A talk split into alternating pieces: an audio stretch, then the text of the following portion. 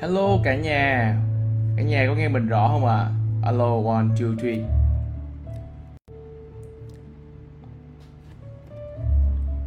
Ok hello cả nhà.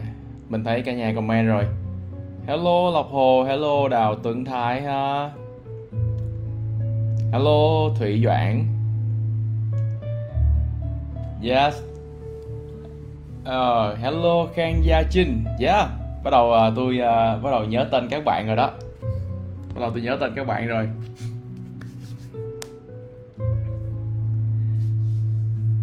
Đang nằm chiêu thì ảnh lên chiêu cùng rồi. Hôm nay rõ nét thế anh. Giá yeah, hôm nay tôi mới độ lại uh, một tí xíu không gian cái spray của mình nha cả nhà. Tôi mới độ lại một tí xíu. Anh em có thể qua bên um, tai đỡ bị điếc rồi. Là gì nè em?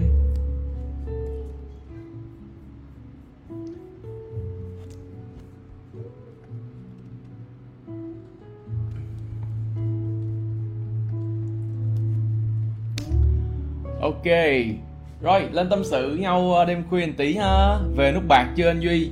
Chưa. Trời đất ơi, chờ lắm thiệt sự là cũng uh, chờ nút bạc để mà unboxing với cả nhà ha? Hello quốc truyền. Tôi nhớ tên rồi. À con mình đang ngủ chưa hả? Hòa phạm con duy đang ngủ chưa? Uh, con duy đang chơi metamon với mẹ. Nó đang đánh metamon đùng đùng ngoài kia nó ố yeah high five gì lung ta lung tung. Ok cười bò luôn. Mai mốt lại cho nó chơi elamon nữa. Rồi. Ok, mình không phải duy nến ha. Hello hello cả nhà, hello. Rồi.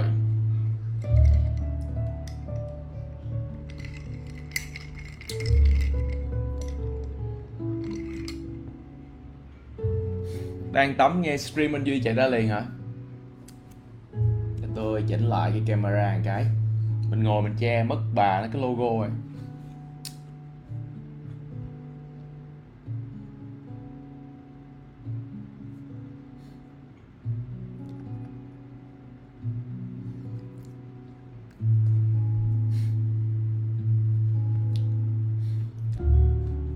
Rồi.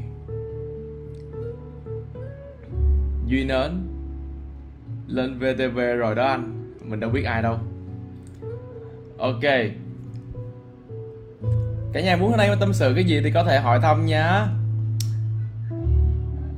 à. Từ từ. Tại hôm nay trễ quá rồi. Lười like bên uh, face youtube quá. Giờ vô set thumbnail các kiểu nữa like youtube thì uh, hơi uh, hơi mệt hơi mệt. Cho nên mình like trên uh, facebook một tí thôi với cả nhà là mình uh, tính đi ngủ.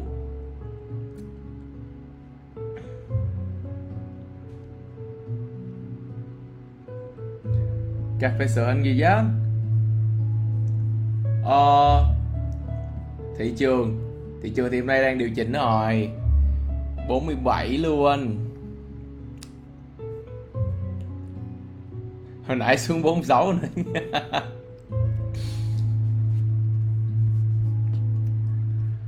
Dạ, yeah, cảm ơn Huỳnh Bảo nha. Sang colit hả? sang colit chắc để vợ mình sang ha. Bà đang ở ngoài kia.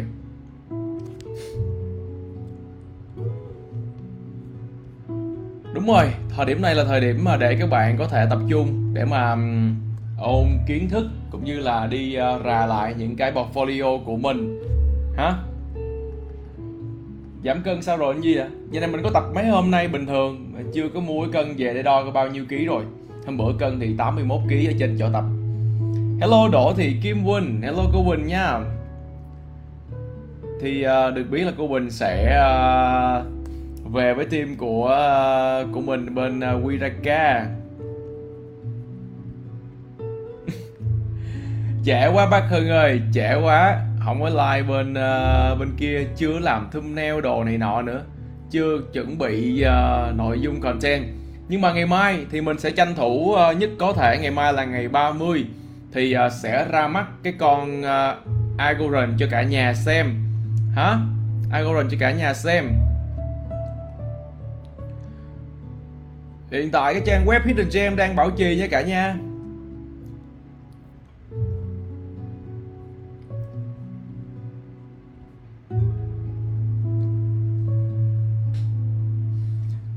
Nãy giờ coi like của Hà Anh Tuấn xin nghĩa qua coi like anh Duy. Ủa Hà Anh Tuấn đang like hả? Ok, thank you Bella. À, Bella, nhớ tên Bella rồi. Hôm qua mới tư vấn case study cho Bella ha Rồi. À. Đang bị lỗi cái website cả nhà. Chờ tụi mình uh, sửa lỗi tụi mình sẽ cập nhật lại sau nhé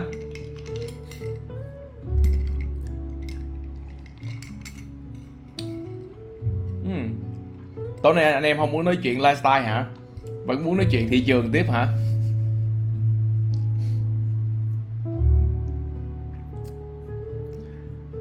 nói chuyện thị trường thì để mình off cái này mình lên trên youtube nói chuyện nó vui hơn, đúng không? Muốn nói chuyện thị trường hay nói chuyện lifestyle? Nói chuyện thị trường thì tôi off cái này luôn, tôi lên trên youtube tôi livestream liền luôn. Thị trường đang khá hoang mang à đúng rồi, có một cái bạn đang tên tiếng hoa, mình không gọi được.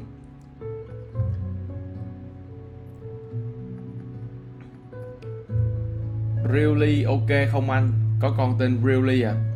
Thị trường đỏ quá nói gì nữa?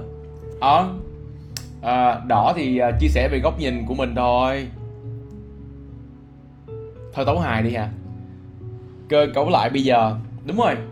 Ờ, thị trường lúc nào cũng vậy. Mà sao ta? Thị trường nó kịch bản y chang cái lần trước mà cả nhà. Rồi nếu như anh em có coi livestream của mình thì mình nghĩ là anh anh em đang sẽ rất là cứng. Mình mình có zoom thẳng một cái hình. Mình có zoom thẳng một cái hình vào cho anh em kêu coi mình đã đọc một cái dữ liệu on chain cho anh em trước khi zoom cái hình lại. Thì um, anh em có nhớ là mình đã nói cái gì trong cái dữ liệu on chain không ạ? À? một một cái thứ mà nó không thay đổi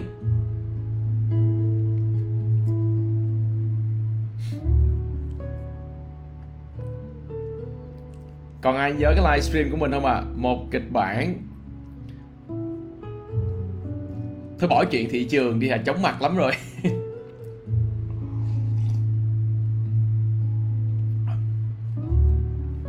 Chị na mới tố anh mượn tiền không trả kìa.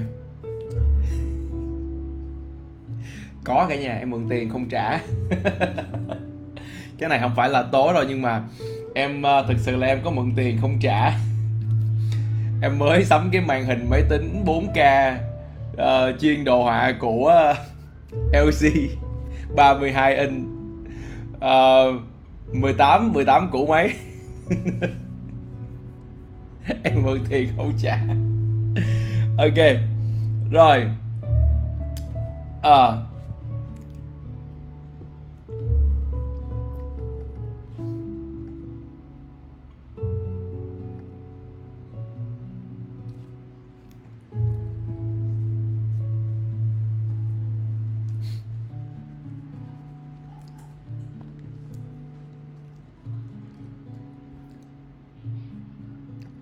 sao anh lại không trả hả? Vì uh, nhiều lý do cả nhà. Thứ nhất là mình thấy uh, hết tiền rồi. Tới tiền để mà DCA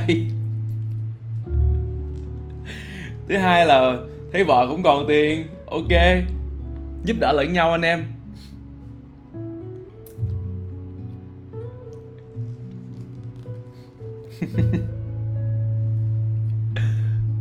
Trời sao đeo mất kiến vô không thấy gì trơn. Giờ tôi tháo mất kiến ra nha rồi um, nói chuyện hả? Có anh em nào mà còn trẻ hay còn gì cần hỏi thăm tôi về những cái đoạn đường đời hay gì không? Mình mình mình chia sẻ với nhau đi.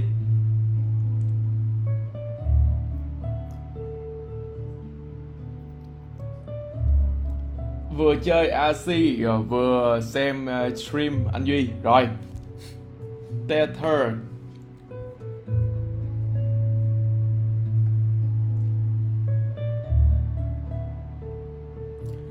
um, người mới nên bắt đầu từ đâu? Ê, cái này là nó dòng về cái chủ đề uh, crypto nữa hả?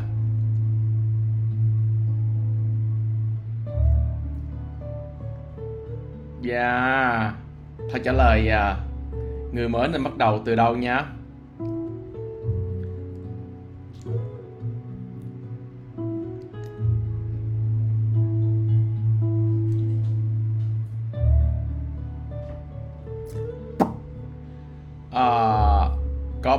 Là đọc sách hiệu quả hả Ừ đọc sách đi. Thôi tôi nói về chủ đề đọc sách nha. Rồi à, cái một thời điểm mà mình bắt đầu đọc sách nó khá là trẻ đó là cái thời điểm mà năm 2014 à, 2014 à, ha thì uh, gặp anh uh, Chu Quang Minh. Thì uh, trước đó mình chưa hề đọc sách gì liên quan đến gọi là self help ok uh, nói về phát triển bản thân của anh từ tuổi 20 ok nè này hay luôn. Chủ đề đọc sách và phát triển bản thân ha. À, ok. Rồi thì uh, chủ đề này hay. Tối nay mình cũng muốn uh, chia sẻ về cái chủ đề này.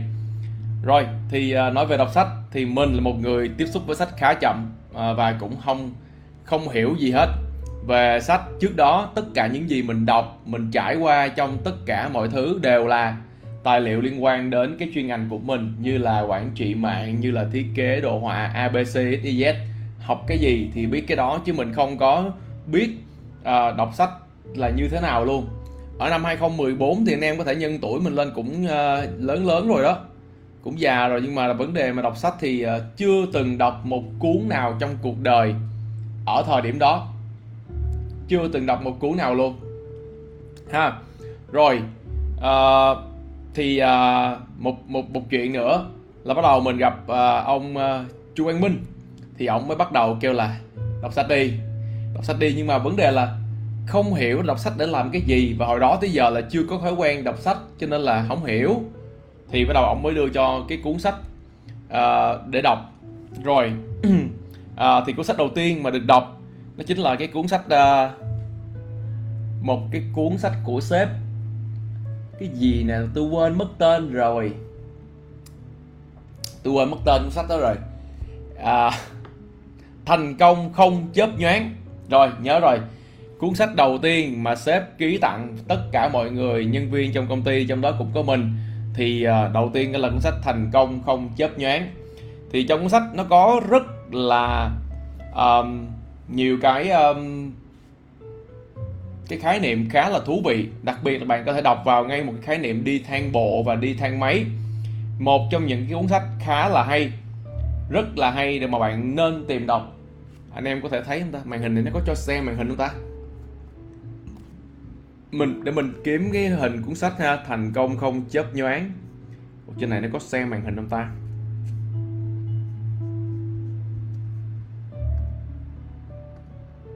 Chờ mình tí ha. Ok nó không cho xem màn hình rồi.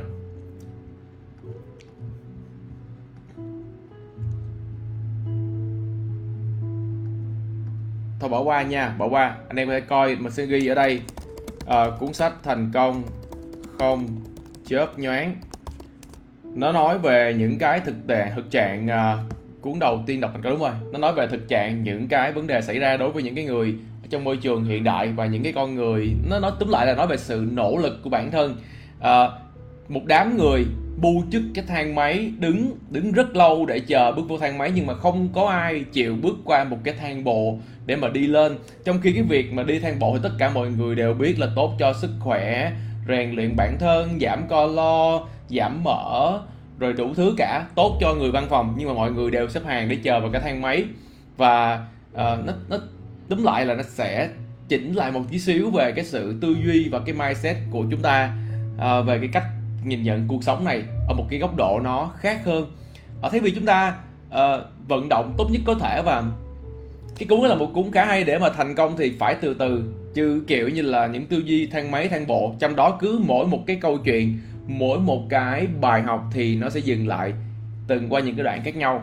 Và đó là cuốn đầu tiên mình đọc hết 100% rồi thì uh, sau đó bắt đầu xếp đưa thêm các cái cuốn mà bây giờ thực sự là nó, mình đã nhiều quá rồi mình cũng đã cho bớt nữa rồi. Thì bắt đầu nó là cái cuốn đầu tiên đọc hết xong và uh, bắt đầu xếp đưa cho những cái liên quan đến uh, marketing uh, liên quan đến uh, phát triển bản thân. Thì uh, đọc sách của các cái ông John C. Maxwell những cái người mega guru chắc anh em cũng biết nha. Nguyên một bộ sách của uh, có ba ông mega guru nổi tiếng tôi quên mất tiêu rồi. Mình không có giỏi nhớ tên mấy người đó anh em. Anh em chờ mình tí mình đi kiếm tên mấy anh cha đó mình nhớ đầm đọc cho anh em đã. À, từ từ nha. Uhm, sách của Napoleon Hill. John C. Có hai ông. Từ từ bực ghê thiệt tình không giỏi nhớ mấy cái tên đôi khi nó cũng làm mình mình mệt mỏi nha. À rồi. Jack Canfield Brian Tracy và John C. Maxwell. Thì không biết là mọi người có ai đọc mấy cái cuốn sách đó không à? Ok. Thì uh, à, mình có đọc nhà giải kim. Rồi từ từ nha. Mình đang nói cái lộ trình mình đọc. Thì bắt đầu mình sẽ được tiếp cận với mấy cái cuốn sách của mấy anh cha mega guru đó. Và trong những cái uh, người đó thì cái ngôn từ của John C. Maxwell là cái mà làm mình rất là khó đọc nhất. Nhưng mà phải ngẫm rất là lâu tại bởi vì à, mình không đọc theo một cái trường phái gọi là lướt chéo xuống sạch sạch sạch sạch, sạch được. Mình đọc chậm chậm hơn người ta rất nhiều và người ta kêu là phải đọc nhanh lên phải đọc nhanh lên phải đọc nhanh lên. Thì à, đối với mình cá nhân là mỗi người một gu mỗi người một phong cách. À, đối với mình mình mà đọc tới cái đoạn đó mình không hiểu là mình dừng lại mình ngồi mình suy nghĩ. Chứ con không có ví dụ là cứ lướt qua đi xong rồi đi đọc lại đọc a đọc b đọc c đọc lại thì à, mình không có đọc lại. À, mình đọc từ từ. Thì à, John C. Maxwell là cái ngôn từ rất là khó để vào. Rồi À, trong tiếp theo đó thì một ngôn từ nó dễ hơn chính là Jack Canfield. Ha, thì ông ấy được mệnh danh là bậc thầy của thành công và cái người mình thích đọc nhất và có nhiều sách nhất và đọc đi đọc lại nhiều lần nhất chính là Brian Tracy. Ha, một cái ông già tóc bạc mặt cũng kiểu uh, dễ thương. Thì uh, đối với các cái cuốn sách đó của Brian Tracy nó liên quan đến một cái vấn đề là anh em có biết uh, Brian Tracy là người chuyên viết sách về vấn đề gì không à rất phù hợp với mình thời điểm đó đừng ai bắt trước anh duy mượn tiền vợ không trả nhé. Ơ kìa.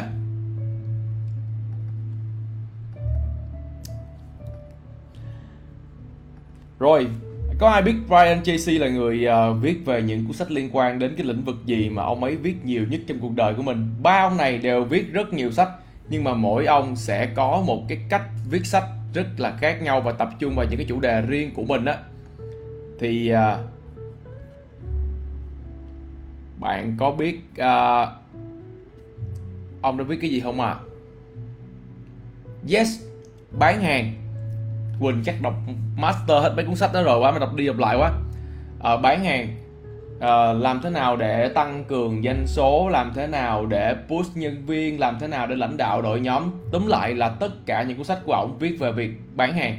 Và một thời điểm đó lúc mình đọc đó là vào năm 2015 à, cuối cuối 2014 2015 thì được đọc cái cuốn này và à, các cái khóa học liên quan đến phát triển bản thân cũng nở rộ ra.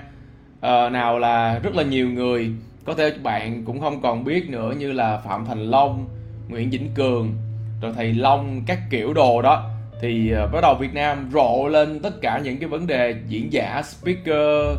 Anh nguyễn quang ngọc là người đã đưa những cái cuốn sách uh, com series về. Thì thì mình được sếp gửi đi học hết tất cả mấy khóa đó. Uh, cảm ơn sếp.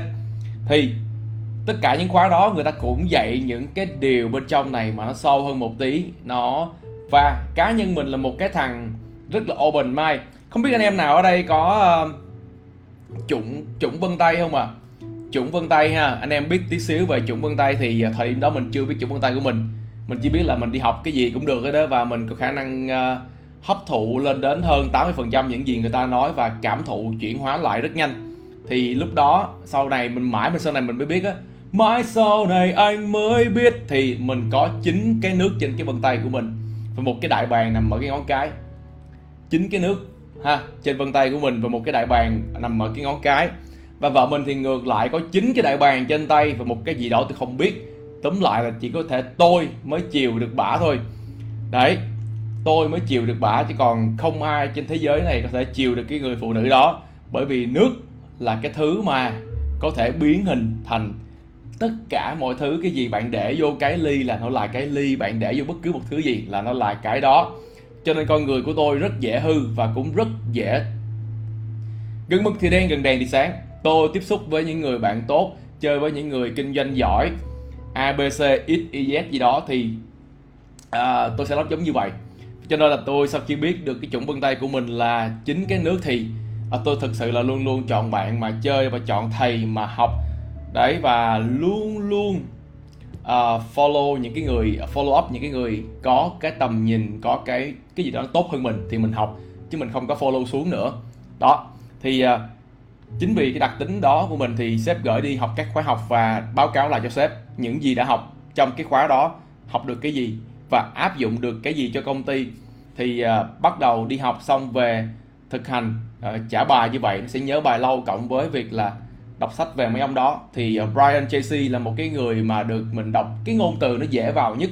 Những cuốn sách viết khá là đơn giản ha khá là đơn giản và rất là dễ đọc. Rồi à, một chuyện nữa là cái thời điểm đó tại sao sách của Brian Tracy dễ đọc. Bởi vì tập trung bùng nổ 2015 anh, mà các bạn biết thì đó là một cái xu hướng bùng nổ của gì ạ? 2014 2015 á. Các anh chị còn nhớ cái thời điểm đó chúng ta có một cái gì mà bùng nổ rồi rất là kinh khủng khiếp à.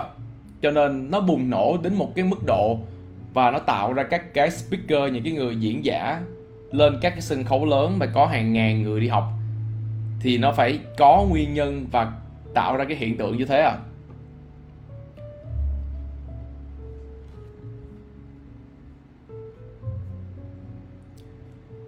Yeah. Bán hàng online đúng rồi. À, Ok, Đỗ Thị Kim Quỳnh Chính nước và chính đại bàng thì nước thua chắc Chính xác. Nước kiểu gì cũng dưới màu luôn. Nhưng mà đừng đừng chọc nước ha Thiệt sự. À, Bạn cũng biết rồi Nước là cái thứ đơn giản, dịu dàng và uh, nhẹ nhàng nhất. Thì nhưng mà đừng chọc nước chỉ có đúng một thứ duy nhất trên cuộc đời có thể phá vỡ kim cương cũng chính là nước ha. Đấy ok. À, rộ lên các cái bậc thầy bán hàng về marketing bán sản phẩm bán tùm lum tà la. Rồi và bên cạnh đó thì các cái mô hình bán hàng online đấy bị lai tạp đi và bị làm xấu đi bởi một số mô hình kinh doanh à, liên quan đến à, MMM MLM Ponzi thời điểm đó. Nó trà trộn vào. Nhưng mà cái mà rộ lên nhiều nhất mình bỏ qua một vấn đề Ponzi đi ha nó chỉ là một phần nhỏ len lỏi vào. 80% còn lại đều là bán hàng online bán các shop quần áo nở rộ lên tự nhiên bắt đầu xuất hiện Facebook fanpage chạy quảng cáo các kiểu đúng không? Và bạn thấy là ok bắt đầu có những cái người chạy ok bán hàng trăm đơn bán A bán C bán B bán tùm lum tà la. Đấy à, thì à, những cái khóa học nó hướng đến một cái đối tượng là cái đối tượng đang bùng nổ lên bán hàng online thì làm thế nào để họ bán được nhiều hàng hơn? Làm thế nào để kinh doanh? Làm thế nào để này nọ. Thì cái mô hình kinh doanh thời điểm đó nhà nhà người người khởi nghiệp tất cả mọi người đều trở nên muốn bán hàng. Đó thì cái chuyện đó à, nó mới xảy ra và các cái khóa học diễn ra liên tục. Rồi thì à, bên cạnh đó người ta nói là để mà phát triển cái việc kinh doanh của chúng ta chúng ta phải phát triển bản thân đúng không ạ? À? thì à, các cái khóa học uh, chef help đã ra đời ha thì à, không đúng không sai. Tất cả những khóa học thì sẽ có nhiều cái họ nói nó hợp lý và không hợp lý à, vì của mình thì vào đó. Cái nào cảm giác cái nào phù hợp thì à, tiếp thu cái nào không phù hợp thì thôi mình cho next qua. Mình sẽ tách nó rất là đầy đủ chụp hình lại làm các kiểu là điệu để mà à, có thể nhớ tất cả mọi cái đó nhất có thể. Nhưng hiện tại thì hỏi mình là nhớ gì không thì không còn nhớ gì cả. Nhưng mà mình chỉ biết là mình có thể làm được nhiều thứ thôi còn về step by step như thế nào thì mình không còn nhớ chi tiết nữa ha. Rồi à, một cái thời điểm thời điểm đó thì à, bắt đầu đọc sách self help đọc sách phát triển bản thân kinh doanh thì rất là bị thấm với Ryan Tracy rồi và sau đó thì bắt đầu mình đã bắt đầu tự nhiên có một cái thói quen đọc sách thì nó sẽ tới một cái ngưỡng là dotcom series là một cái người một cái bộ mà hay chia sẻ với cả nhà. Dotcom series gồm có ba cuốn á, đỏ xanh dương và xanh lá cây thì uh, sếp mình là người đầu tiên triển khai cái chương là người đầu tiên mang cuốn sách đó về Việt Nam đọc và dịch sang tiếng Việt đó là anh Chu Quang Minh và triển khai một cái chương trình khóa học để chia sẻ lại cái việc cuốn sách đó. Uh, hai ngày trong vòng hai ngày sếp chia sẻ toàn bộ những cái gì liên quan đến uh, uh, cuốn sách đó và hướng dẫn mọi người một cái cách tự tin hơn để bán hàng online làm thế nào để viết content các kiểu. Thì uh, anh Chu Minh thì đó làm thì uh, lúc đó mình được học được đọc và còn bắt mình làm MC nữa. Thì trong lần đầu tiên trong cuộc đời của mình mà làm MC là làm MC cho chương trình đó thì bạn cũng thấy rồi mình làm MC lúc đó là mình mập như con heo vậy đó. Người mình là bắt đầu là quấn dây ra.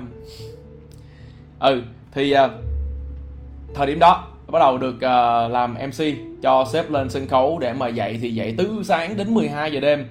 Và sếp dạy rất là nhiều khóa như vậy và mình cứ nghe đi nghe lại mình là thằng làm MC sau đó mình xuống mình ngồi chỉnh âm thanh với một anh tên là Sơn ở công ty. Thì uh, việc của vợ mình là quản lý những học viên thu tiền thì vợ mình làm. Còn lại thì mình phụ những cái việc như là uh, set up sân khấu cho sếp standy như thế nào banner ra làm sao. Mình vừa làm design vừa làm MC rồi vừa làm luôn cả chỉnh nhạc phụ này nọ. Tức là là có việc vặt gì cứ phụ hết với sếp. Nhưng mà là được nghe tới nghe lui cái bài học đó nghe hoài nghe liên tục như vậy mà cũng làm rồi sau đó thì à, đến một cái ngưỡng làm uh, bí mật chuyên gia.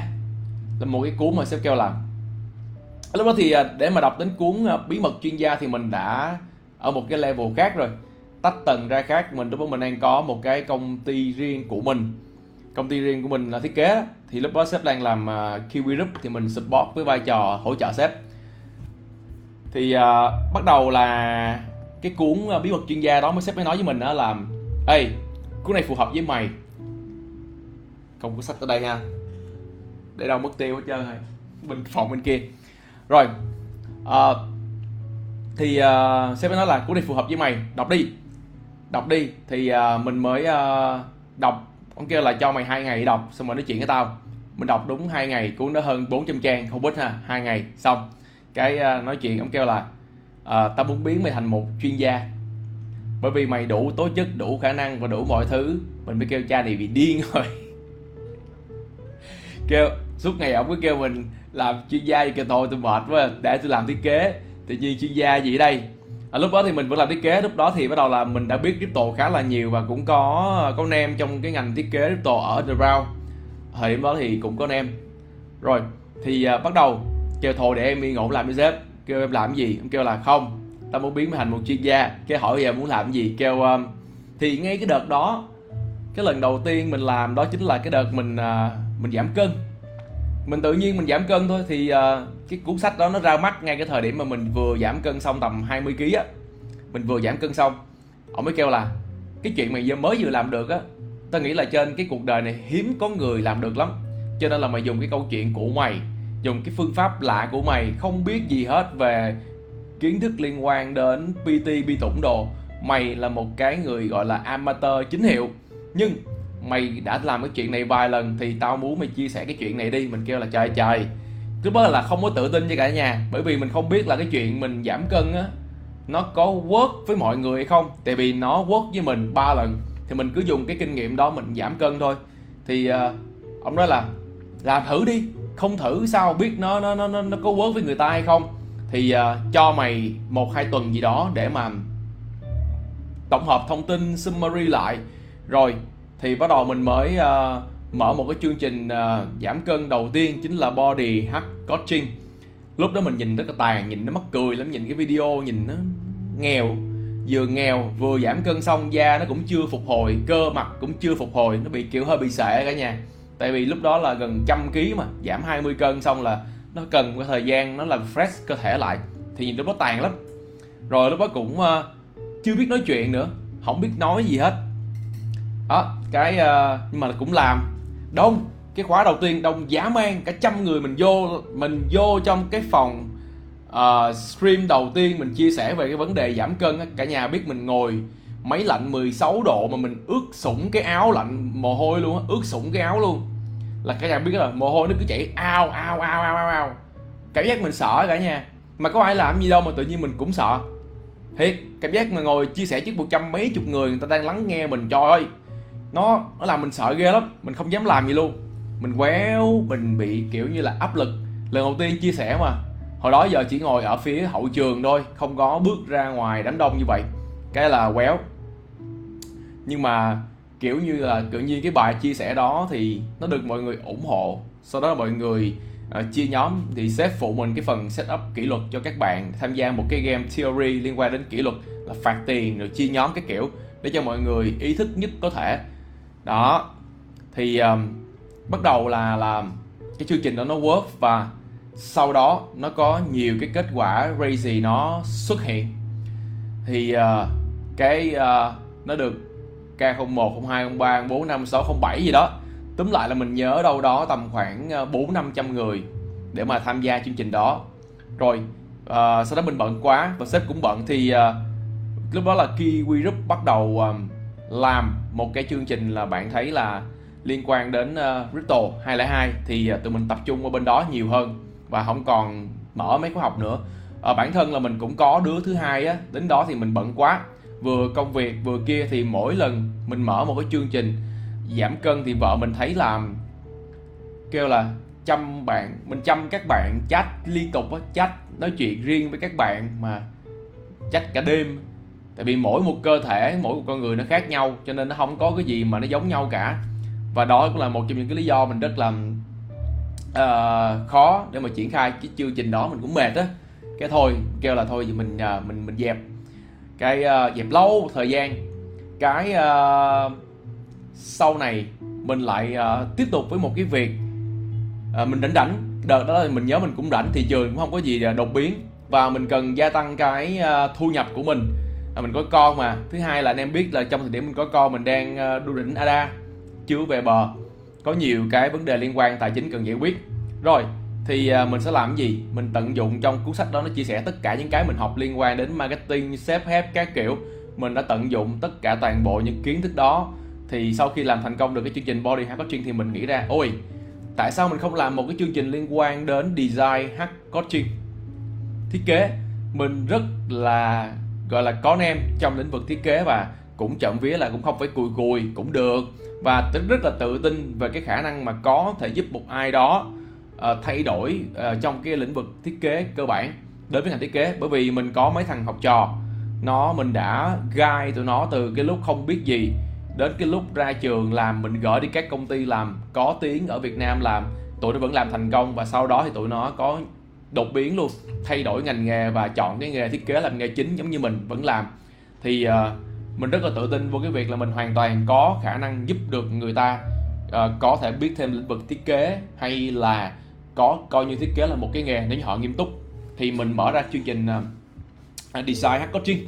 Đấy thì uh, tất cả những chương trình mình mở nếu mọi người nhìn để ý kỹ lại thì nó sẽ ít tốn chi phí nhất.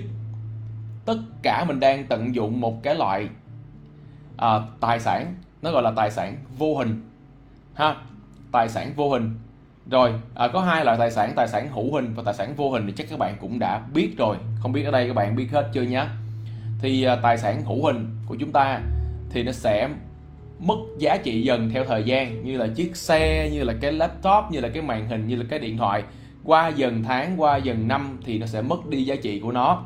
Còn cái tài sản mà vô hình là cái kiến thức, là cái kỹ năng, là những cái soft skill bạn luyện mỗi ngày, càng mài nó càng bén, càng mài nó càng sắc thì đây là một trong những cái tư duy mình được học đối với anh Đỗ Mạnh Hùng là một cái người cũng trong cái chương trình crypto à, ờ, mình học crypto xong thì ờ, à, mình vẫn là hàng design ở chương trình crypto 202 bạn biết đúng không ạ?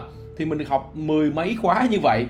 Xong rồi mình được học nghe cái khóa về quản lý tài chính cá nhân rồi quản lý tài chính nâng cao.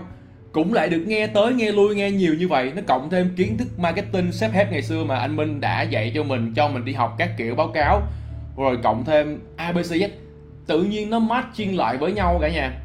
Kiểu như là ơ tụi nó gặp nhau tất cả mọi thông tin trong đầu mình nó gặp nhau lại một điểm. Thì uh, mình biến tất cả mọi cái đó thành cái điểm mạnh của mình và mình đóng gói thành một cái basket để mà ra những cái chương trình như là body hack coaching, design hack coaching và thậm chí là có một cái chương trình gọi là landing page hack coaching nữa. Tóm lại là uh, tôi làm đủ mọi cái, làm sao đó ít tốn chi phí tổ chức nhất, ít tốn cái không gian nhất, tức là là ít tốn chi phí nhất có thể. Và nó tận dụng tất cả những cái nguồn lực bên trong mình có từ bên trong của mình để mà làm sao đó mang ra để mà chia sẻ cho người khác. Và cam kết với họ là và bạn biết là tất cả những cái người mà được tham gia với mình mà cùng mà mình chia sẻ luôn luôn là cảm thấy happy. Và cảm thấy là cái số tiền mà họ bỏ ra học nó quá nhỏ bé đối với cái việc mình chia sẻ luôn. Anh em biết tính mình mà đúng không? Một khi không nói thì thôi, nói là móc gan, móc ruột, móc sạch sẽ ra nói luôn.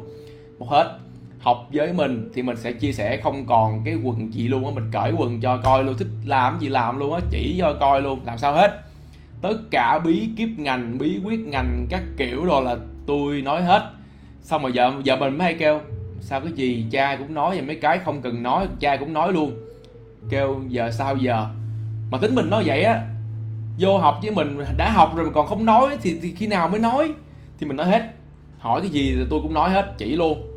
Đó. Thì uh, cũng uh, trộm vía. Tất cả các học viên thì cũng có nhiều cái đột phá và cũng làm mình rất là nở mày nở mặt trong những cái đợt mà huấn luyện như vậy. Thì uh, sau những cái đợt đó tụi mình đã đi CA thành công về bờ và uh, chốt lời ADA và đã xong hết chuyện và có một số vốn và tụi mình bắt đầu lại với crypto thì à, bắt đầu lại với crypto thì anh em biết rồi từ đó trở đi thì mình mình cuồng. Mình đã chơi snowball rất là một cách rất là tốt ổn á. Tức là là bớt ngu bớt ngu rồi bắt đầu hiểu. Thì uh, trong lúc uh, trong lúc mà học những cái thứ như vậy á thì uh, mình đã sử dụng một cái thứ duy nhất để làm DCA tài sản bản thân là tất cả những cái kiến thức mình học. Mình đều có cách tổng hợp ra đóng gói ra đưa thành package để có thể chia sẻ lại với người khác một cách chỉnh chu nhất. Và mỗi lần làm như vậy rất là cực bởi vì cá nhân mình quan tâm đến người ta là cái việc này có làm được không ta? Cái này người ta có làm được không? Mình nói cái này người ta có hiểu không? Thì nó cực cho mình quá. Đấy nhưng mà không sao. Nó tạo được giá trị và giúp cho người khác à, đầu tiên là giảm cân. Rất là một cái điều rất là mắc cười là tôi làm những công việc vậy nè giúp cho người ta giảm cân. Là người ta đẹp đúng không ạ? À? người ta đẹp người ta tự tin người ta cảm giác sảng khoái người ta happy ok. Đó là một cái điều tốt rồi. Tôi làm thiết kế tôi lại làm đẹp cho bao bì người khác tôi làm đẹp cho logo người khác tôi làm đẹp cho thương hiệu của người khác. Tôi thiết kế tạp chí cũng làm đẹp cho những cái tờ báo. Thiết kế bao bì sản phẩm cũng làm đẹp cho các cái bao bì người ta cầm vô người ta có mua cái này hay không. Thì ờ, vô tình lại là đi làm đẹp cho đời. Và một cái chuyện nữa là sau này mình hướng dẫn người ta là design hack coaching rồi sau này mình làm người ta là landing page hack coaching. Ở ờ, làm website là siêu nhanh gọn đẹp bán hàng các kiểu. Thì cuối cùng là cứ liên quan cái gì đó nó làm đẹp cho đời làm đẹp cho người thì mình thấy là cái việc mình đang chia sẻ nó vui nó mang lại cái điều thú vị cho mình. Thì mãi đến tận uh, sau đó thì mình uh, dẹp luôn dẹp luôn tất cả các cái khóa học và tập trung vào crypto để làm với sếp. Không còn tại vì đi xe thành công rồi uh, có vốn rồi cuộn lại rồi chơi được rồi thì ok mình không có nhu cầu uh, kiếm kiếm thêm tiền nữa kiếm thêm thu nhập nữa ha thì à, bắt đầu mình sẽ tập trung qua crypto 100% thì à, lúc đó thì sếp mới offer là thôi dẹp công ty thiết kế luôn đi, về làm à, với anh hai vợ chồng. Thì anh muốn hai vợ chồng về làm full time với anh và không bận tâm đến thiết kế nữa. Cái thời điểm đó là chưa covid, cũng còn cách covid 6 7 tháng gì đấy. Kêu là ok. Rồi, thì đó, sau đó là mình về với sếp để mà triển khai cái crypto full time với sếp. Chơi full time á thì hồi đầu cũng vất vả lắm cả nhà làm cũng té le hột me đủ thứ trên đời vất vả cực. À, thậm chí là phải nói là rất cực rất cực. À, hoa thơm quả ngọt nó không hề đến trong một ngày một hai tháng đâu. Ờ, cực lắm cực kinh khủng khiếp ấy không phải dạng vừa. Và sếp phải nói là tụi mình khởi nghiệp lại thì anh em cũng biết là Kiwi Group à, nếu như anh em có tìm hiểu kỹ thì tụi mình sau khi cái đỉnh cao thì tụi mình đã xếp đã bỏ Kiwi Group một thời gian rất dài à, bởi vì sếp mất niềm tin vô thị trường và không muốn triển khai bất cứ một cái thứ gì nữa. Con ADA của sếp nó chia khủng khiếp quá. Xong mà sếp mất niềm tin cho thị trường. Và buông bỏ đến mãi sau này sếp mới kêu là tụi mình về làm lại đi á. Thì lúc đó là coi như là start up lại từ đâu làm từ đâu thì à, bắt đầu tụi mình làm từ từ thì bắt đầu cái video đầu tiên trên kênh là liên quan đến Bukados. Mình bắt đầu xuất hiện trở lại thì ờ, bán duyên chậm vía các kiểu thì bây giờ mình vẫn đang ngồi với anh em và anh em biết mình thông qua cái uh, crypto cái kênh đó ha. Thì nó còn nhiều cái nữa. Và mình nói cả nhà là uh, mình chỉ có thói quen đọc sách từ năm 2014 thôi. Và sau khi đọc đến một cái ngưỡng mà tụi nó matching hết với nhau thì mình chưa đọc mới nữa. Tầm khoảng uh, một năm nay là mình chưa nạp bất cứ một cuốn sách nào mới cả. Yes rồi. Ha và các cái cuốn sách mình mình đọc thì uh, mình luôn thích cái nào mình để lại trong đầu. Cá nhân mình hay lắm nha. Uh, cái sự hình dung bên trong mình nó rất là lớn. Mình không có như người ta là mình nhớ trong đoạn đó nó cái gì không? Mình sẽ hình dung luôn rõ ràng những cái việc đó. Nó có khả năng xảy ra với mình và nếu như nó xảy ra hay không thì sẽ nằm ở đoạn nào cỡ nào. Thì mình hay như vậy á kiểu kiểu hình dung rồi à, adapt vào trong cái cuộc sống thực tế trên đọc sách lâu lắm. Đọc sách nhiều khi ngồi xong cái xếp lại cái ngồi nghiệm nghiệm nghiệm nghiệm nghiệm, nghiệm xong rồi đọc tiếp. Xong rồi tắt sắp lại ngồi nghiệm nghiệm, nghiệm đọc tiếp. Cho nên là mình à, cũng không thích sách nói lắm bởi vì sách nói là cái người đó họ dùng cái ngôn từ của họ họ dùng cái vô cồ của họ. Còn cái lúc mà mình đọc á là nó nó thuộc về cái tự trải nghiệm á cả nhà. Ha? Thì uh, một hồi tất cả mọi thông tin information nó kết nối với nhau. Nó sẽ đưa cho mình một cái hướng giải quyết là phải làm cái này làm cái này làm cái này.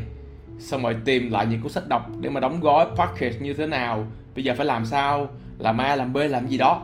Thì uh, tất cả mọi cái nó matching với nhau thì đẩy ra. Thì có những cái chương trình như vậy. Và cũng cảm ơn uh, thời điểm đó ha. Rồi.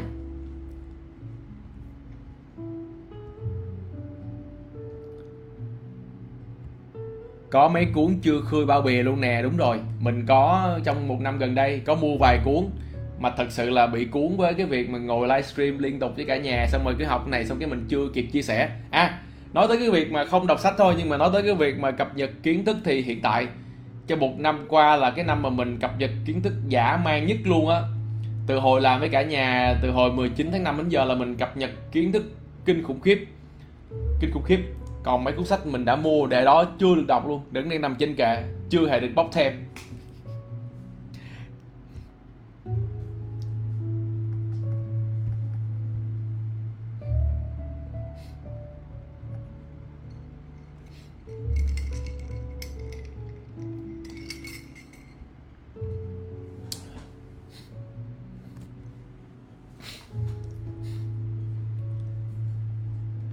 Hmm. Wow. Bạn này uh, mới đến kênh của mình hả? Anna Quỳnh Hai anh chị kết hôn được bao nhiêu năm và cần bao nhiêu năm để vượt qua sóng gió tài chính đến gia đình? À, Năm nay anh bao nhiêu tuổi thanh xuân? Cho em có chút động lực. À, Cưới vợ là năm 2015 à, Quen vợ là năm 2012 Từ lúc quen là đã sóng gió rồi yên tâm ha. Và sau đó thì sóng gió cứ tới đều đều Cứ tới đều đều à, tới đều đều và lúc nào cũng sóng gió. Cuộc sống mà nó bình yên là bạn đang thấy nó có vấn đề. Mình cam kết. Cuộc sống mà bạn cảm giác ôi sao nó bình yên quá? Sao mỗi ngày trôi qua nó cảm giác như không có gì để làm và cảm giác như là ơ nó đơn giản quá thì lúc đó là đang có vấn đề và nên đi kiểm tra lại. Cam kết luôn. Nha. Uh, thì um, cái đó là bạn nên để ý lại. Chúng ta thì trong cuộc sống lúc nào nó cũng sẽ có vấn đề phát sinh. Và việc chúng ta là giải quyết vấn đề. À, nếu bạn tập trung vô một cái việc à, bạn nhớ một cái à, quy luật mà mình nghĩ nếu bạn chỉ cần đọc sách hay nghe người ta chia sẻ cũng nhiều lắm. Là nếu có vấn đề bạn tập trung vô cái việc vấn đề thì bạn sẽ không bao giờ thoát khỏi chỗ đó. Kiểu như là cái vấn đề là cái đã xảy ra rồi bây giờ bạn kiểu như là thị trường bây giờ nè, nó giảm đi giờ 4 46 ngàn hồi nãy. Bây giờ nó giảm luôn còn 36 ngàn. Thì sao? Đó là vấn đề chúng ta nha. Mình đang ví dụ thị trường Bitcoin giảm còn 36 ngàn.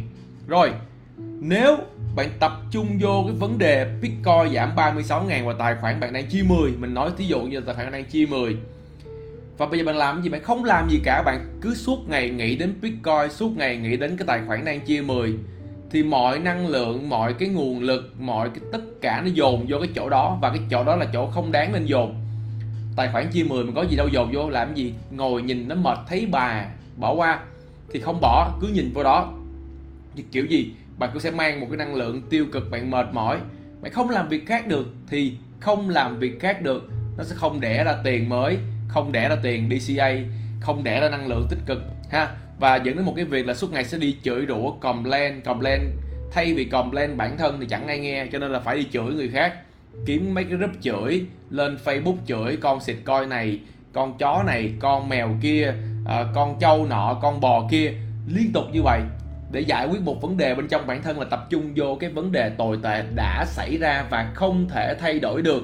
Bạn không phải là mẹ của market maker không có nắm đầu nó kêu ê mày tăng tài khoản tao lên. No way thì rõ ràng cái vấn đề là không thay đổi được, thì chúng ta chọn một cái hướng nhìn khác là giải quyết vấn đề. Ok, giảm rồi làm gì? Làm sao kiếm thêm tiền? Chỗ này, bây giờ khúc này làm, gọi là cơ cấu portfolio lại như thế nào? Ok, nếu không biết thì coi livestream của mình, ok? Còn nếu biết thì tự làm tự làm cơ cấu lại. Bây giờ con nào là con ngon, con nào nên cắt, con nào nên kia? Thì lúc đó là giải quyết vấn đề, ha? Rồi à, sau khi cơ cấu xong ê vẫn đang xoay quay một đoạn ngon quá. Bây giờ có đi làm kiếm thêm tiền để mà à, mỗi tháng tích lũy thêm một ít để mua thêm được không? Thì đó là những cái tư duy hướng giải quyết vấn đề. Chứ còn bây giờ tài khoản chia 10 mà cứ ngày đi khóc cha khóc mẹ khóc hết tất cả mấy cái group tụi kia nó chửi với mặt bạn á bạn cũng đâu có tăng tài khoản đâu. Bạn chửi xong rồi nó cũng không có tăng tài khoản luôn đúng không ạ? À? thậm chí nó không chia thêm 12 nữa ha. Thì đó là cách chúng ta chọn là có vấn đề là giải quyết vấn đề. Thì sóng gió tài chính hay tất cả mọi cái sóng gió liên quan đến tình cảm nó đều là vấn đề cả. Việc chúng ta là tìm hướng giải quyết nó hết. Còn phải tập trung vô cái chỗ này nè bây giờ hai đứa vợ chồng cãi lộn thì ok ủa sao hai chồng mình cãi lộn ta? Vấn đề nằm ở đâu? Giờ mình chia sẻ quan điểm cá nhân với nhau nè. Ở góc nhìn a à, của anh là như vậy góc nhìn của em như vậy. Có có mâu thuẫn không? Giải quyết chỗ đó hết cả nhà. Còn lúc nào cũng sẽ có vấn đề ha lúc nào trong cuộc sống sáng thức dậy là có vấn đề rồi.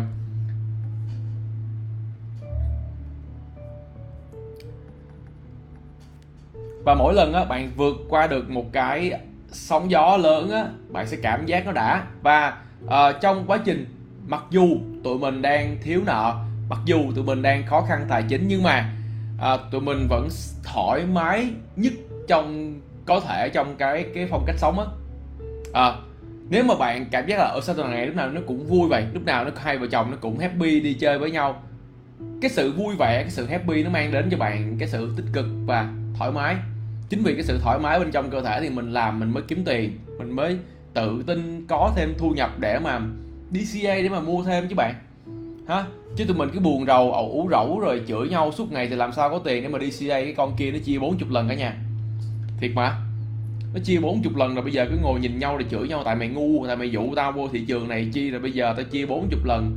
Đó, rồi bây giờ mày mày mày cưới tao về rồi mày không chăm sóc cho tao, mày để tao vào đu đỉnh đồ, a, b, c, x, y, z đồ. Mày không cùng tao làm cái gì hết hả? Mày cứ để tao hoài như vậy. Thì, ủa, nói cho đã xong, tài khoản vẫn chia 40 mà. Đúng không ạ? Vậy thì chọn giải pháp thôi. Hai chồng cùng đi làm cùng kiếm tiền ha? Chịu khó làm thêm ờ, vài job ban đêm hai ba sáng cày thêm tí xíu nữa ráng thêm tí có thêm tiền để để đi CA thế đó bạn.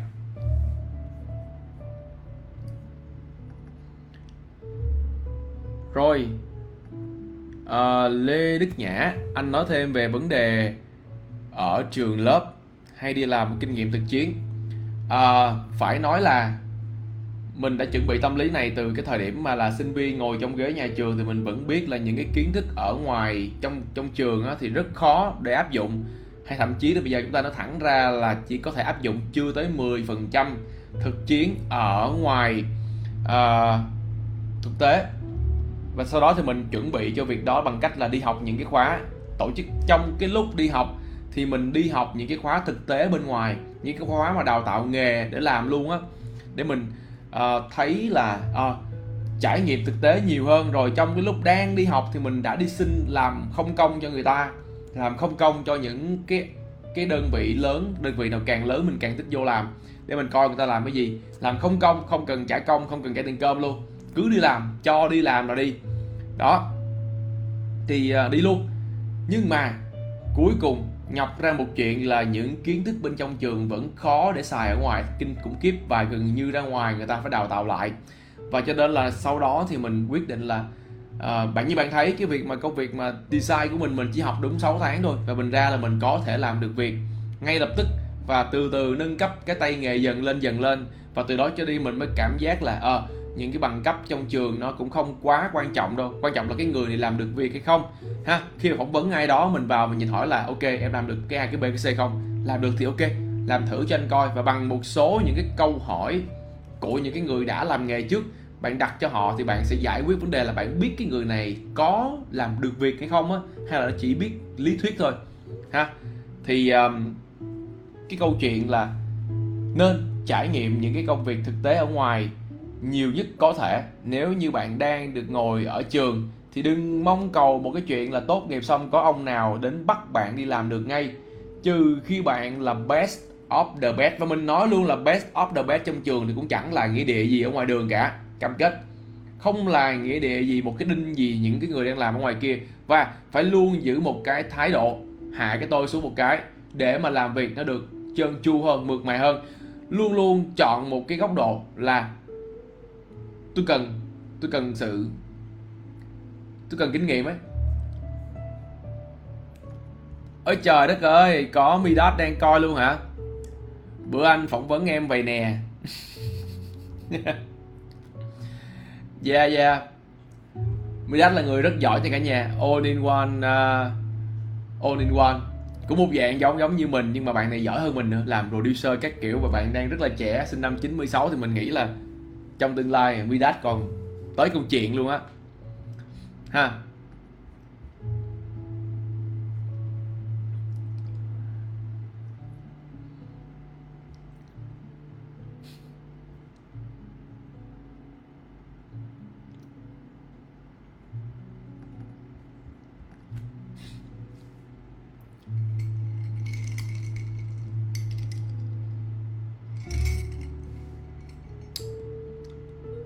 Phương pháp giảm cân mình nói nhiều lắm rồi bạn à, anh Vương ơi. Trong cái livestream nào không nhớ nữa, nhưng mà mình đã nói khá nhiều. Và nó đi vào detail các kiểu thì cần rất là nhiều thời gian để mà ngồi nói với bạn, quan sát cùng bạn abc đồ. Rất là nhiều. Thì bây giờ bạn mà vấn đề là kỷ luật. Trong tất cả các phương pháp thì mình nghĩ là chỉ có cái phần kỷ luật là cái phần khó làm nhất thôi. Mọi kiến thức, mọi cái, mọi thứ trên đời này cho dù bạn có biết hết đi chăng nữa, hai thứ xảy ra. Action và kỷ luật. Làm làm rồi ha, có người làm nhưng mà ba ngày bỏ cuộc, có người làm một tháng bỏ cuộc. Một tập thể dục nhá, mà một tháng bỏ cuộc. Cái người mà đang béo phì á 90 kg rồi 100 kg á, một tháng sau, mình thí dụ như giảm 5 kg một tháng đi, ha, bỏ cuộc, bỏ lại ăn chừng hai tuần nó quề vốn liền. Chưa tới một cái ngưỡng cân bằng cái cân bằng hấp thụ dinh dưỡng cơ thể. Nếu chưa về cái ngưỡng đó, thì cái kiểu gì, cái người này 100 kg mà mới giảm 5 kg là còn 95 hay là 95 giảm 5 kg còn 90 mới giảm được 5 kg xong dừng lại, không tập nữa, buông bỏ một cái. Nó dòng lại comeback cực nhanh, đúng không? Ai đang mập comment giúp tôi một cái 90 kg giảm 85 kg cực khổ châu bò luôn, nhưng mà đùng một phát, nó tăng lại 5 kg nhanh cực kỳ. Nó quề vốn rất nhanh, đúng không ạ? Nhanh lắm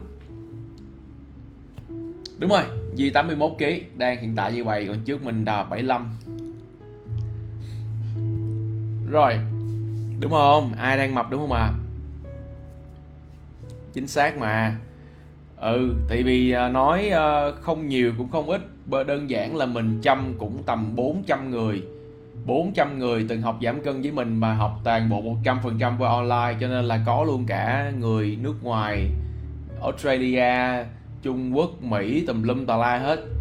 Cho nên là tôi chat với từng người rất là nhiều quan sát rất là nhiều case study có nhiều cái case study nó quái đản mà không thể nào tả nổi luôn.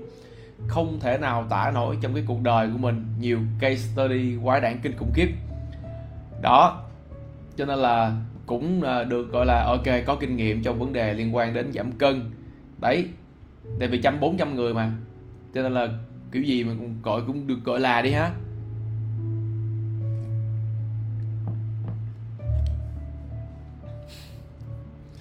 85 kg thất tình tuột 15 kg 2 tuần. Tội nghiệp thằng bé.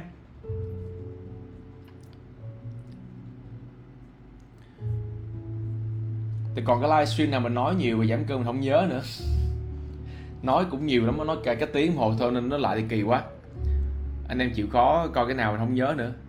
Bữa nay bên hướng mình nói á.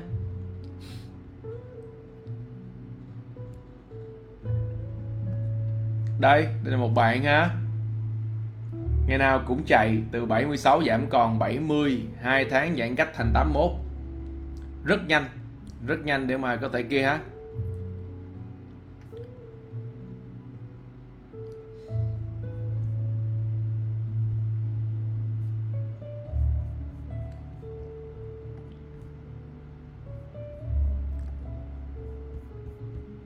Rồi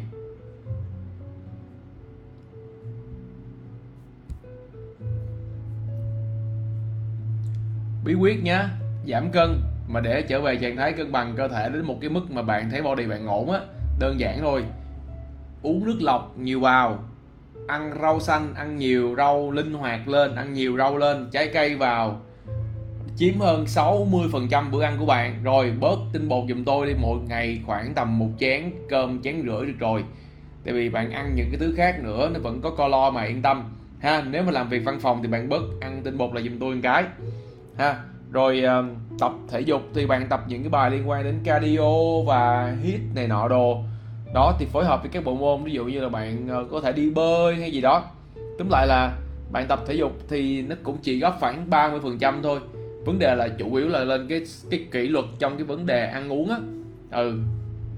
Và mình có cái trường phái của mình nó kết hợp nhẹ với lại cái uh, cái IF uh, ờ, IF cho nên là cũng nhanh lắm và mình kỷ luật ghê lắm. Mỗi ngày mình đo lường bằng cái số lạng mình giảm được. 0,1 lạng 0,2 lạng đồ mình làm liên tục. Và coi như là mình cứ ghi nhận thành công. Sáng sớm thức dậy thấy giảm hai lạng. Là hôm qua là ngày thành công với mình. Cứ sáng thức dậy giảm hai lạng là thành công. Ha có những ngày thức dậy nó không giảm và nó không giảm liên tục trong 10 ngày thì mình gọi đó là những cái cản.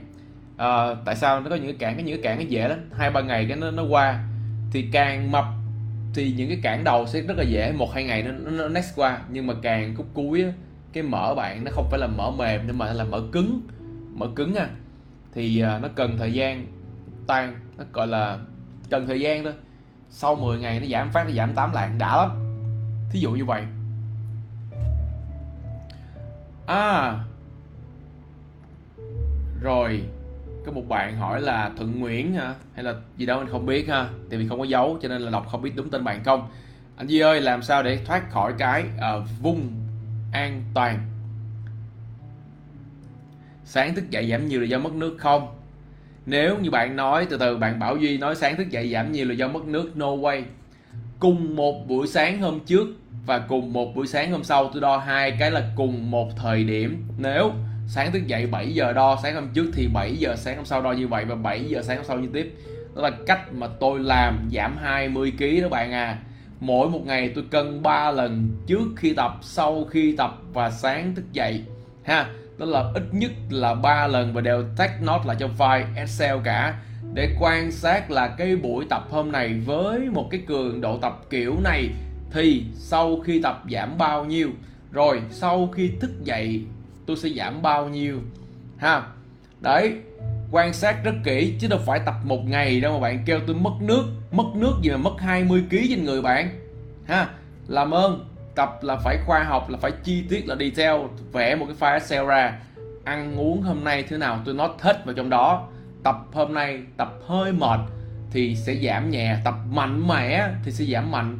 Thì sau khi giảm mình sẽ quan sát cơ thể như thế nào để từ đó mà sau chừng khoảng, quan sát tầm khoảng 3 tuần 4 tuần, bắt đầu cái chỗ này rất thông minh, rất thông minh. Vài ngày ăn cái gì buổi sáng rồi tự động buổi tối nó điều chỉnh tập bấy ngày vừa đủ luôn. Rất hay. Cái chỗ này của bạn nó cực kỳ thông minh, đến khi mà bạn huấn luyện được nó, không lười biếng nữa, nó không bỏ cuộc nữa, nó vô cái guồng quay á, nó chạy rồi. Thằng này cực kỳ thông minh luôn tới giờ sỏi giày vào là tự động nó sẽ biết bạn tập bao nhiêu phút, bao nhiêu động tác, cường độ cỡ nào để mà đạt được cái mục tiêu của bạn. Rất tuyệt vời ha, với lại cái chỗ này. Nhưng mà ngược lại, nó cũng là cái thằng khuyên bạn đừng có tập. Vấn đề của chúng ta là gạt bỏ ra cái thằng kia đi.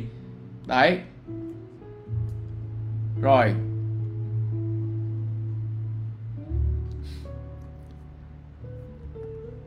Còn anh em đâu nói phải như là tự nhiên cái tối trước khi ngủ tôi cân cái sáng mai tôi cân lại đâu đâu có. Tôi cân cùng một thời điểm khác ngày. Và liên tục như vậy trong vòng 6 tháng, chu giảm 20 kg trời ơi, có ai đâu mà tự nhiên cái sáng cân cái giảm 20 kg mới cha. Rồi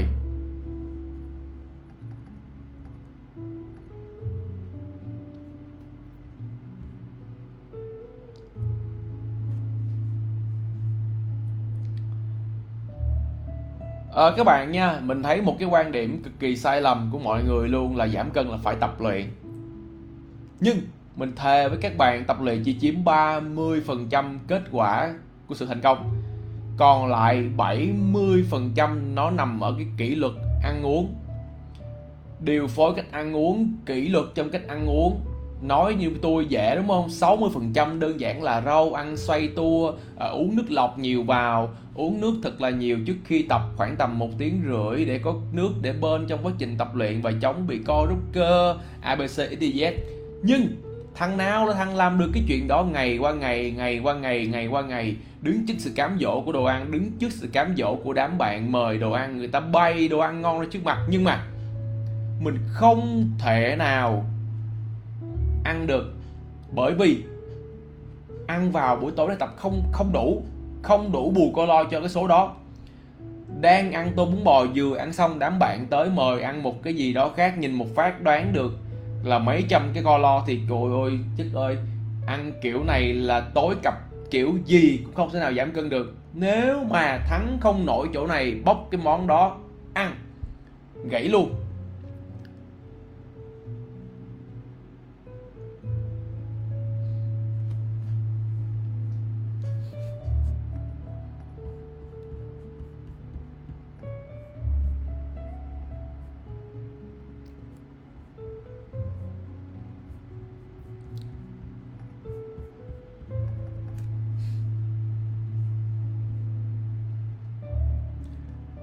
Ok, hello man. Có một người bạn ở ờ, xóm cũ. Sau này lên kiếm được livestream của tôi hay vậy?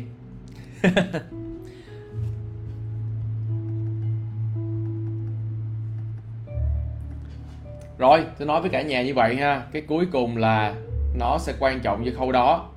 Ta Chúng ta đang phần cứ nghĩ là uh, tập thể dục thì sẽ ABC, Z, no way. Không thành vấn đề đâu, chỉ 3% thôi. Tóm lại là thói quen ăn uống mới là cái thứ quan trọng nhất. Ok ha?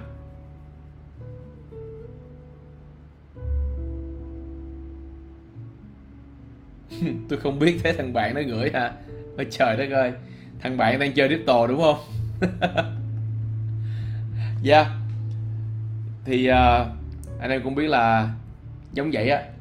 Gần đây uh, tự nhiên bạn bè ở đâu kiếm nhiều quá tôi cũng không biết họ đâu ra nữa ha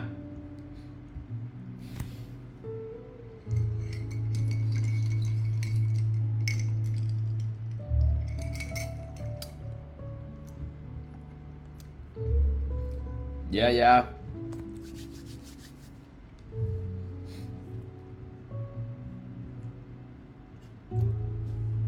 rồi để mình uh, trả lời cái câu hỏi của bạn kia ha làm thế nào để uh, thoát khỏi vùng an toàn của bản thân hả? Ây da à, câu này phải đặt bản thân lại, đặt ngược cho bạn bạn có muốn thoát không? Thiệt mà. Bạn có muốn thoát không? Ha, nếu bạn muốn thoát thì nó sẽ cần nhiều yếu tố. Yếu tố về cái à, áp lực cuộc sống, áp lực gia đình, đẩy bạn vô cái vùng bạn muốn bật ngược lại. Bật ngược lại thì bạn thay đổi thôi, bạn làm những cái điều mà bạn chưa bao giờ làm ok. Nhưng mà đừng làm điều xấu nha. Ok ha. Đừng làm điều tà. Ok.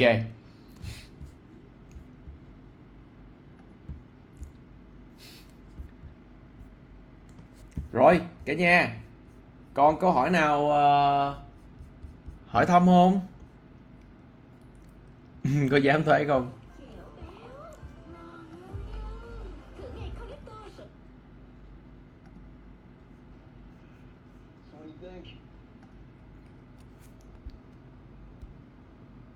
Ok, chúc em ngủ ngon.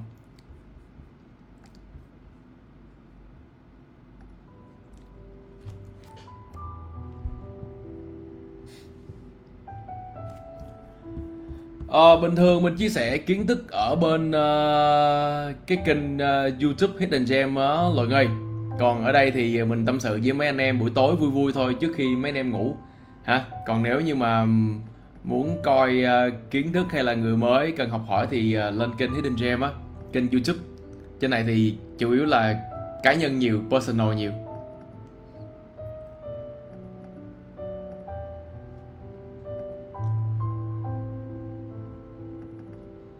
À, cho hỏi làm sao làm được việc lâu dài bị nản à? Làm việc gì bạn? Làm việc công ty hay là việc gì à? Cảm ơn nhật ly hả? Rồi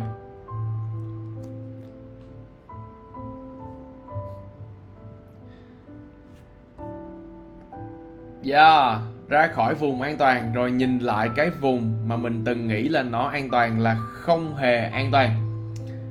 Đây là một câu hỏi hắc não lúc 12 giờ 16 phút ban đêm hả? Dạ, Giả man, nhưng mà thực sự là cái câu này rất là chính xác. Mình cũng từng như vậy. Mình nghĩ cái việc đó nó an toàn giống như những cái người mà chúng ta đang làm công ăn lương hay là đang có một công việc gì đó tương đối ổn định đối với bạn. Tự nhiên bỗng dưng có phải covid nó tới và bạn cảm giác cái chỗ đó nó không còn ổn định không à và rồi à, tự nhiên chúng ta nghĩ ra chúng ta nếu mà chúng ta không làm nó nữa thì chúng ta sẽ rất là không an toàn rất là sẽ rất là nguy hiểm abc nhưng mà ngược lại à, chúng ta lao ra khỏi nó một phát xong chúng ta thấy cơ hội mới chúng ta làm sau một thời gian chúng ta kêu ờ à, rất may là ngày đó dám nhảy ra ngoài để bây giờ mới có được cái này có được cái kia có được người bạn này có được ông sếp nọ có được mối quan hệ kia chứ mà làm chỗ đó bây giờ là cứ làm mãi. Và bạn có từng quen những người nào đã từng làm các cái công việc 10 năm và những cái người đó càng làm lâu, họ lại càng không thể buông bỏ và không thể nào thoát ra khỏi vùng an toàn? Bạn nói đúng mà, càng làm lâu, cái tư duy nó càng bị dính sâu vào cái điểm đó là họ, cái vùng an toàn của họ, nó được xây bằng bê tông cốt thép mà kiểu như là Iron Man bắn không thủng ấy, bắn không thủng luôn thì làm ơn những người đó là những người không thể nào mà gọi là cái chỗ đó nó không phải là vùng an toàn, mà nó là vùng chiến sự. Không thể nào Iron Man không đục được cho đó bạn ha. Ok thò tới cũng gõ không bể nữa, nó cứng cỡ đó đó, cho nên là anh em làm ơn.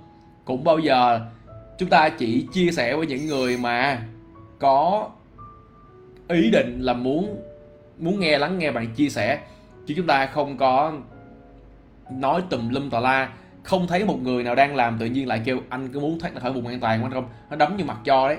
Người ta đang xây bê công, bê tông cốt thép ở đó mà tự nhiên cái ông kêu người ta thoát ra khỏi chỗ đó. Người ta đang rất hạnh phúc, đang rất happy chỗ đó. Ha. Rất nhiều luôn mà càng lâu càng khó thoát. Covid lấy đi tất cả, đã đưa em đến gặp anh duy. Oh yeah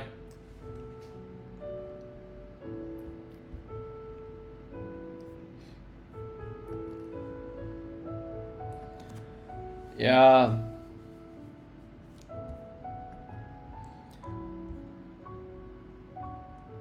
Làm việc một mình thì làm cách nào để tăng và giữ được kỷ luật mỗi ngày cho đến khi hoàn thành công việc? Ok, đây là việc mình giỏi nhất luôn á. Đây chính xác là cái việc mà mình giỏi nhất luôn á.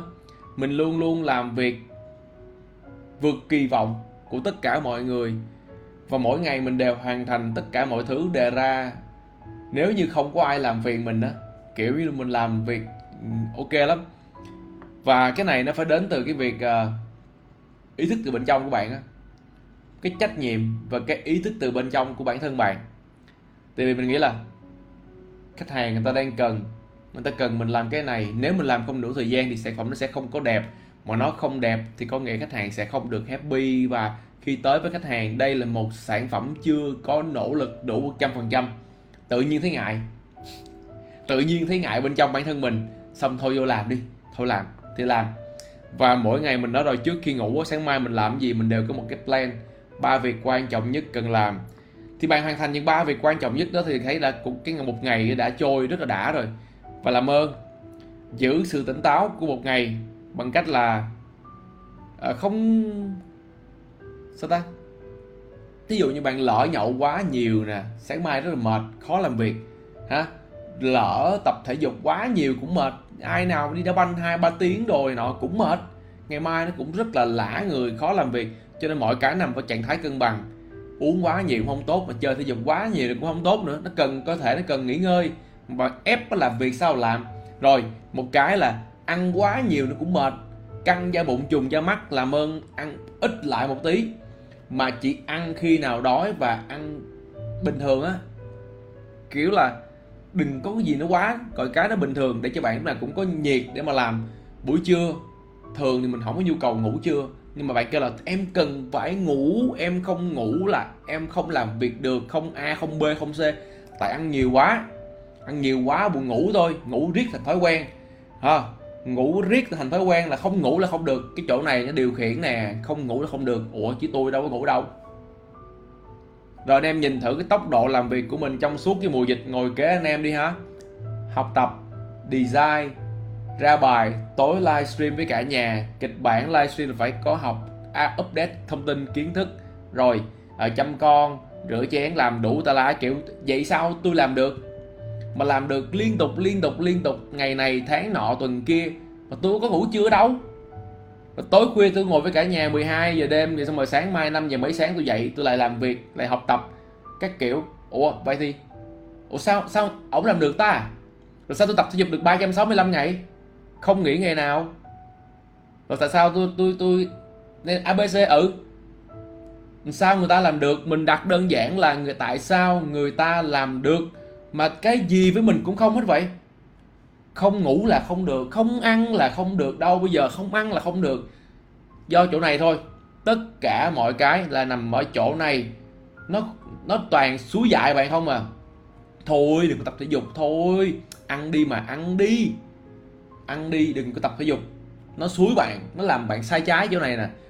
Trời ơi bây giờ giá đấy rồi mua đi mua đi mua hết đi ngày mai nó, nó bay bây giờ. Mua xong ngày mai chia hai mua xong ngày mai nó chia hai, đúng không à cái chỗ này nó ghê lắm nó ma mị lắm. Ha, nó ma mị lắm. Kinh khủng khiếp.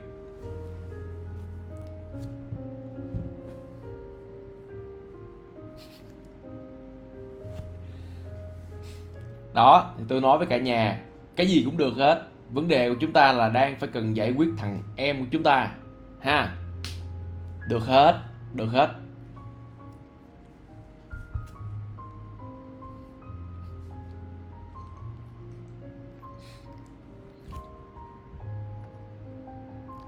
Bảy năm uh, cố gắng của em chỉ vì con Covid nó đã thay đổi tư duy suy nghĩ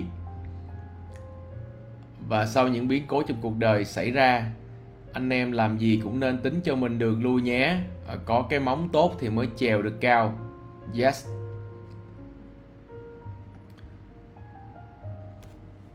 Đôi khi mình cảm giác mọi thứ đang rất an toàn không dám thay đổi vì nó nguy hiểm và rủi ro, nhưng sau khi thay đổi một thời gian nhìn lại quá khứ, mới phát hiện ra lúc đó không hề an toàn tí nào. Yes, chính xác ha? Chính xác luôn. Chính xác, ngay cả bản thân mình cũng thấy điều đó anh em, và tất cả mọi người dám thay đổi, dám bước ra khỏi cái vùng, cái cái chỗ bê tông cốt thép á, tự nhiên thấy chỗ đó nó có cái lỗ bé xíu bé xíu à. Ở ngoài còn mấy cái chỗ to hơn, bự hơn, đi ra ngoài là thấy cái để dạng như vậy bước bước ra ngoài thì uh, anh em sẽ thấy là chỗ đó bé xíu à.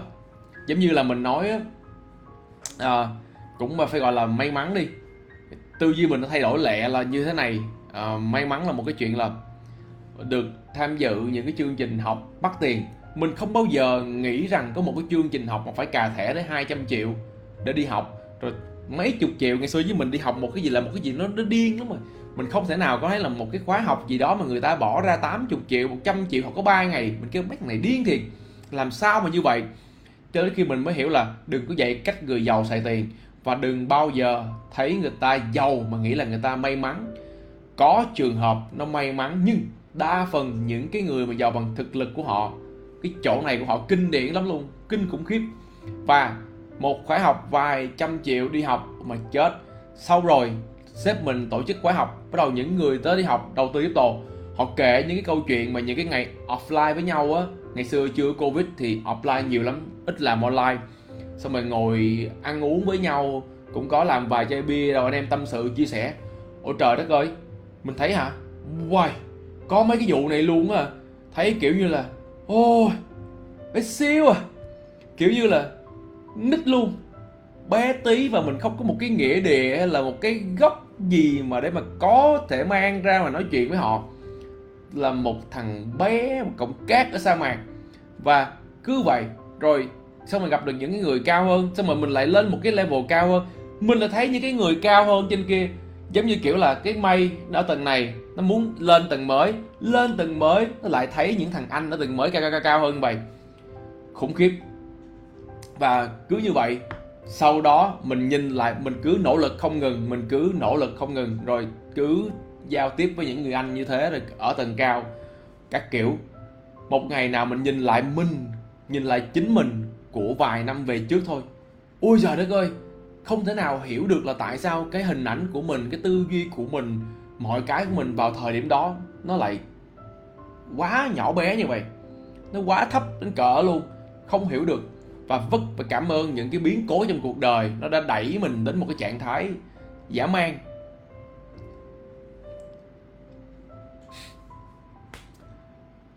thì anh em đừng sợ ha thoải mái lên. Trong cuộc đời của mình là một cái trải nghiệm. Anh em đừng có sống copy bát một năm xong rồi copy bát ra thêm 60 năm cái kêu là 60 năm cuộc đời hết. Xong cái chui xuống cái lỗ 2 mét vuông. Chán lắm chán lắm luôn. Ha hãy uh, trải nghiệm đi và trong tất cả những tình huống trong nguy có cơ. Tự nhiên trong những cái nguy và nó lòi ra những cái tình huống rất là hay, mà đôi khi vượt qua những cái chuyện đó, anh em sẽ là một con người lột xác rất khác, thay đổi rất nhiều từ tư duy, tâm lý, trạng thái. Và sau đó, nó giúp cho anh em tăng, gia tăng sự tự tin, có thêm các mối quan hệ. Đôi khi lại là một cái trang mới trong cái cuộc đời của mình luôn. Có nhiều người anh em chắc là cũng sẽ trải nghiệm giống vậy rồi, đúng không ạ? à?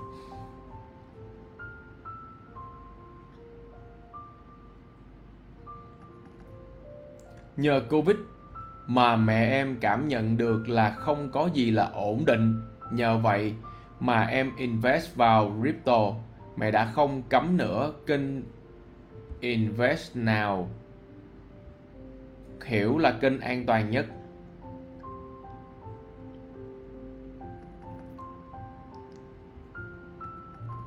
Rồi một bạn long hổ hả? à, Ờ, chia tay công việc gắn bó gần 10 năm và cảm thấy bên ngoài có rất là nhiều những cái cơ hội trải nghiệm ở sự lựa chọn thì có sự đánh đổi có cái tốt hơn hoặc cái không tốt.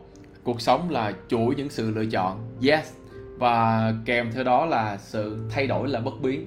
À, cho nên mình cũng đã nói với mọi người là có thể bạn thấy hiện tại lúc này mình đang làm crypto nhưng đôi khi năm sau hay là năm sau nữa mình lại không làm cái này nữa các bạn thiệt hay là mình đã làm thêm một cái gì đó khác? Biết đâu à? Thiệt sự mà. Và đối với mình thì ok cái nào cũng được. Miễn là tôi cảm thấy happy là được. Còn cảm thấy không hạnh phúc mà cứ ngồi làm làm nó mệt. Nó mệt cái đầu lắm. Cho nên không sao. Đối với mình là cái chuyện mà thay đổi là nó, nó diễn ra như cơm bữa hàng ngày rồi cho nên là ok thích thì đổi thích thì làm cái khác. Cũng chẳng cần phải gọi là quá sợ hãi. Thôi làm mình làm mới sợ gì giờ cái nha cho nên là mọi người nên chuẩn bị tâm lý như vậy, ok? Thôi, còn ở ngoài khi mà tham gia thị trường thì mọi người nhìn ở ngoài mọi người sợ ấy. sợ thì khỏi. Đừng có tham gia vào, còn chứ mà tham gia vào thì cứ chơi hết mình, ha? Enjoy hết mình, té nhiều lên tự nhiên nó nó khôn lên à à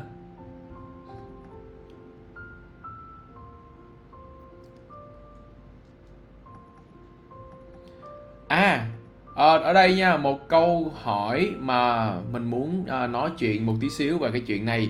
Bạn sống bên hàng à, ngày nào cũng đi làm như vậy mà chưa đủ can đảm thay đổi theo ngành crypto. Đừng đừng thay đổi đừng thay đổi theo ngành crypto ngay lập tức. Đừng lời khuyên của mình không. Hãy cứ từ từ học đầu tư chưa?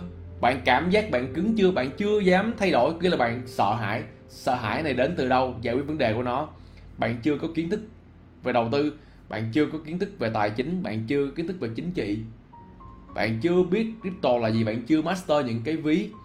Bạn không biết, ủa, lợi nhuận bên này nó khác bên truyền thống như thế nào abc đến z. Thì trong lúc bạn đang làm việc cái công việc ở hàng hàng ngày đó thì hãy dành 2 tiếng 3 tiếng học tất cả những gì có thể liên quan đến đầu tư, liên quan đến tài chính, kinh tế, chính trị một tí xíu ngành này nó liên quan nhiều cái, bạn chịu khó phải thay đổi, học nhiều thứ ha. Tốt cho mình thôi, chẳng tốt cho ai cả. Rồi, vài tiếng mỗi ngày làm đều đặn như thế, tự nhiên sự tự tin bên trong bạn nó gia tăng lên. Với mỗi ngày bạn hiểu hơn về cái ngành này, hiểu hơn về đầu tư thì có phải là bạn bắt đầu, ê ê, thử được không? Được. Vào đi. Người ta đầu tư 6.000 đô 60.000 đô 60.000 đô kệ bà nó, mình đầu tư 60 đô. Ok làm gì đó nhẹ nhẹ, chơi chơi cho nó vui, cho nó biết trước đã, trải nghiệm một cái cảm giác đơn giản nhất có thể. Ok, có sao đâu mà. Đâu có ai bắt là vào đây phải vô con hàng một lần là vô 6 ngàn, vô 10 ngàn, kệ nó. Tụi nó chơi lâu, nó già làng, nó máu lửa, máu liều nhiều hơn máu não. Thì nó bơm tiền vô nhiều, liều thì ăn nhiều đó cả nhà, tâm lý đánh bạc, ha. Cho nên là khi mất tiền thì cũng mất nhiều luôn, và cây cú cây cú nhiều chúng ta vào đây đơn giản là trải nghiệm trước và học từ cái thị trường này xem nó như thế nào. Học trước đã, chứ đừng có mang một cái tâm thái là đi vào đây kiếm tiền ngay lập tức. Chết chết ngay lập tức. Chưa học mà đòi kiếm tiền là bể nha, bể xô ấy. Chết ngay lập tức luôn. Và thị trường này bạn thấy ha, cơ hội lặp lại, lặp tới lùi tới lùi liên tục. À rồi ờ, Lê Đức Nhã có một câu người ta hay nói là một nghề cho chính còn hơn chính cái nghề. À, quan điểm của mình cái câu này đúng ở quá khứ còn ở hiện tại. Một người bạn thấy là phải biết nhiều thứ và giỏi một trong những thứ đó nhất là thế mạnh của họ. Họ chọn ra nhưng họ buộc phải biết rất nhiều thứ xung quanh à, nào là marketing nào là phát triển bản thân nào là tư duy nào là biết cách đi ra ngoài nói chuyện với người khác nào là biết cách để mà giao tiếp rồi kỹ năng lắng nghe đủ thứ kỹ năng soft skill kỹ năng làm việc nhóm kỹ năng chat tele với khách hàng. Ủa bạn đừng nghĩ cái phần chat đó là chúng ta không nhìn thấy nhau nhưng mà thông qua cái tin nhắn người ta nhìn người ta cảm giác cái người này có cảm xúc hay không cái người này có dễ thương hay không cái người này có nice hay không đều cảm nhận được và tất cả những cái đó tôi được học nha. Học cách chat với khách hàng làm sao để họ cảm giác happy. Học soft skill ra ngoài nói chuyện với người ta thì ánh mắt phải thế nào cử chỉ phải làm sao kỹ năng body language.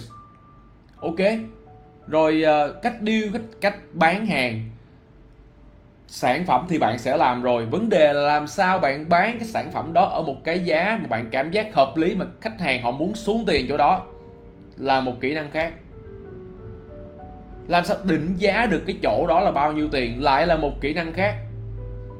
Và định giá được cái người ngồi nói chuyện với bạn họ có thể xuống được bao nhiêu tiền là một kỹ năng khác nữa. Rất nhiều kỹ năng như vậy bạn kêu là một nghề cho chính của hơn chín nghề thì mình cam kết ngay thời điểm này hiện tại ở một cái thập kỷ này là sai đối với cá nhân mình là nếu bạn không biết đủ, thì gần như bạn chỉ có đi làm công suốt đời. Thế bạn đang chọn tư duy làm công luôn á. Bạn đi làm công 8 tiếng và an bày là bảo đảm cái vùng an toàn hồi nãy là thành bê tông cốt thép với cái tư duy đó luôn. Không thể thay đổi luôn. Ha? Bạn nhìn những cái người thành công ở top thì bạn hỏi người ta trải qua bao nhiêu sóng gió cuộc đời, người ta có làm một nghề rất bây giờ rất hiếm. Ngày xưa thì có nhưng bây giờ nói về đột phá những cái người kỳ cụ, họ trải qua rất nhiều thăng trầm, ở rất là nhiều những công ty mà thậm chí là dạo này gần đây mình gặp một số người khi mà họ kể ra, trời đất ơi, mình thấy mình bé xíu luôn. Kinh khủng. Họ ở tầm kiểu như vũ trụ metaverse cái hạn vậy. Nói chuyện xong mình cảm giác mình không có nghĩa địa gì luôn, mặc dù mình đã cố gắng nâng cấp bản thân, cũng gọi là đối với cá nhân mình cách đây vài năm là nó đã khác bọt lắm rồi. Mà khi mà gặp với người ta là gạt qua bơi được luôn á em còn nhỏ lắm em nha. Bước vào một chỗ vậy luôn. Không có nghĩa địa nghĩa lý gì đối với những người cái đây mình mới gặp và họ một cái tầng rất cao và nói chuyện là chờ dã man. Ở một cái gì đó mình đúng nghĩa là uh, uyên thâm cao hơn rất nhiều. Và từ đó thấy là ơ phải còn học nữa phải còn trải nghiệm nữa con trai à. Mày còn bé lắm. Thế thôi. Còn bây giờ thì tất cả mọi cái học giống như mình. Uh, một thằng sinh viên học IT không biết đọc sách, không biết phát triển bản thân, không biết kinh doanh, không biết bán hàng, không biết làm website, không biết thiết kế, không biết cái cách nào định giá sản phẩm, không biết đang chạy quảng cáo. Tất cả mọi cái đó mình phải học hết học hết, học, tự học hết. Thì theo bạn là tất cả mọi cái đó mình đều biến thành nghề, đều kiếm tiền được từ nó luôn á. Thiết má hả? Tất cả mọi cái mình đều tự học và tất cả mọi kỹ năng mình đều có thể biến thành tiền hết luôn. Học để kiếm tiền. Cho nên là ok ha thì quan điểm của mình nó giống vậy. Hy vọng là bạn sẽ à, bạn có hiểu mà. Bạn lê đức nhã hiểu comment giúp mình ha. Thì đó là góc góc độ mình nhá còn uh, mình nghĩ là cái chuyện này nó vẫn sẽ ăn sâu vào tiềm thức của của người Việt Nam mà nếu như chúng ta không chịu thay đổi thì chúng ta vẫn sẽ ở trong cái vòng tròn và đóng gói bê tông cốt thép. Uhm. người Hoa kiên trì một đời đời cha truyền con nối. Bạn đấy một chuyện, người Hoa rất giỏi kinh doanh, đúng không ạ? À? rồi, và họ giỏi trong cái việc đó. Và con trong cuộc đời này, một thứ mà có thể làm hoài làm hoài và truyền tất cả mọi thứ đó là kinh doanh. Kinh doanh, đúng không? Họ bán vải từ đời này sang đời kia đời này sang đời kia đời này sang đời kia đời này sang kia. Họ bán cơm bán từ đời này sang đời kia, bán này. Tất cả là phải bán hàng, và người hoa rất giỏi bán hàng và chất lượng sản phẩm. Họ giữ chữ tín trên thương trường rất cao. Đó là cách lựa chọn của một service là liên quan đến bán hàng. Cũng mình đang nói ở đây là những cái kỹ năng khác. Đúng không? Và bạn thấy người Hoa là một cái người rất thông minh. Bạn nghĩ rằng họ chỉ bán hàng no way. Họ adapt kiến thức như mình nói hồi nãy kỹ năng bán hàng là cái học hỏi liên tục và cập nhật liên tục. Bạn không cập nhật, bạn có bao giờ bán được một câu chuyện cho 100 khách hàng không? Bán cho một, hai người giống nhau thôi. Bán 100 người ở 100 cái tầng lớp khác nhau là rất khác bọt, ha. Chốt những cái vị khách super luxury nó sẽ khác, chốt những người tầm trung sẽ khác, chốt những cái người bình thường nó sẽ khác, chốt những thằng bạn quen sẽ khác. Mỗi một người sẽ khác và bạn nghĩ rằng, ôi nó chỉ có làm như đó thôi, không phải đâu. Người ta học mỗi ngày đấy cả nhà. Làm ơn, giúp mình mở rộng, phóng cái landscape ra đi vào chi tiết hơn. Đừng bao giờ nghĩ là người ta có cơ sở sẵn, chỉ cần gặp ngồi những cái câu chuyện bên trong cái bữa đó để chốt được cái hợp đồng. Bạn có được ngồi nghe không? Bạn có thấy người ta cách người ta làm không? Không. Bạn nghĩ nó dễ đúng không? Giống như tiếp tồi nè, thấy nó xô cái lệnh thắng, nghĩ là trời, dễ lắm. Vào đây ăn tiền, vào thử xem nào vào thử xem, đi gặp một người khách đang cầm 10 triệu đô, vô chốt một cái điều 10 triệu đô, chốt được không? Kỹ năng đâu mà chốt? Kinh nghiệm gặp khách hàng đâu mà chốt? Quan sát ánh mắt, lời nói, cử chỉ. Nói chuyện phải làm sao? Chốt được kiểu gì? Mình thề, cái kỹ năng bán hàng là kỹ năng kinh điển nhất thế giới này mà cần phải học tập cả đời. Và người hoa làm rất tốt chuyện đó. Nhá cho nên là người ta dạy con người ta cách kinh doanh, dạy con người ta cách làm ăn. Đấy, dạy con người ta kỹ năng nói chuyện, làm ăn phải như thế nào, giữ chữ tính ra làm sao. Đó cách chúng ta cần phải học tập. Chứ còn đừng nghĩ là ôi trời ơi, họ làm có một nghề truyền tới truyền lui. Truyền là truyền cái cách bán hàng, cái cách để mà làm sao đó có được những cái đơn hàng và phát triển công việc kinh doanh. Đỉnh cao rồi còn gì nữa. Tất cả mọi thứ trên cuộc đời này đều phải bán mà đúng không ạ? Bây giờ mình nói thẳng nè, bạn mình cảm giác là, ơ, chỉ bán hàng thôi. Ok, thử ngồi chốt một cái deal với một cái thằng đang cầm 10 triệu đô, lấy của nó một một triệu đô về một món hàng bạn muốn bán. Thử xem, có bán được không đã, tính tiếp nha. Bây giờ thí dụ như làm sau đó, để tôi có thể raise fund một cái quỹ 20 triệu đô trong vòng 3 tuần. Thử xem. Với những cái bạn đang có có đủ đẳng cấp để lấy tiền từ những cái người có kiến thức và có tiền trong ví, móc tiền trong họ ra, đưa cho bạn một cách dễ thương. Tao đầu tư cho mày, tao xuống tiền phi vụ này cho mày. Thử xem mà rất khó nha bạn. Rất khó nha.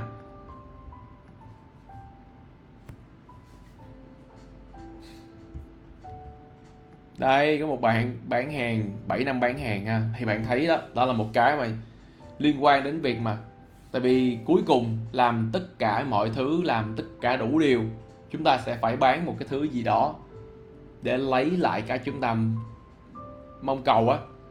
Hả? Quy luật cung cầu cả nhà. Thì à, bản thân những người làm uh, mọi thứ mà bán sức lao động bán công sức bán thời gian của mình đổi lấy tiền bạc tất cả là nó là quy đổi tất cả bạn đều có thể quy đổi thành transaction đổi cái này lấy cái kia, đổi cái này lấy cái kia. Giống dạng swap vậy đó. sáng nay tôi swap 8 tiếng cho anh. Để tôi lấy lại một mức tiền lương là tầm 500 ngàn ngày, chẳng hạn như vậy.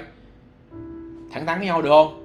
Swap 8 tiếng của mình, bỏ công sức ra làm cái gì đó cho bạn, phục vụ bạn 8 tiếng, thì bạn đưa lại cho mình 500 ngàn. Đấy. Thì đó là cái câu chuyện mà chúng ta đang trao đổi qua lại giữa cái việc thời gian. Rồi, ở một cái góc độ nó cao hơn là cái thời gian của thằng này nó có giá trị hơn. Nó chỉ cần swap 2 tiếng thì nó sẽ kiếm 5 triệu. Rồi, ở một cái thằng có level bán hàng cao hơn, một cái chi thức cao hơn, cái mối quan hệ nó rộng hơn, cái tầng hiểu biết của nó với những cái mối quan hệ nó lớn hơn, nó swap một tiếng, nó chốt hóa đơn một triệu đô. Thì nó có giá trị ở cái chỗ đó. Nó làm ít, nhưng mà nó ra việc, và cái việc đó nó ra là ra số lớn. Ha, một người bán hàng một ngày 10 đơn. Với một người bán hàng 100 đơn 1 ngàn đơn, tôi không quan trọng. Nó bán một đơn trong một tiếng và một triệu đô. Thế thôi. Được không à vấn đề là nó nói mà người ta tin nó xuống tiền được. Đơn giản ha cả nhà, kỹ năng bán hàng là khác nhau. Kỹ năng bán hàng là khác nhau. Và học cả đời ấy, thiệt, học cả đời.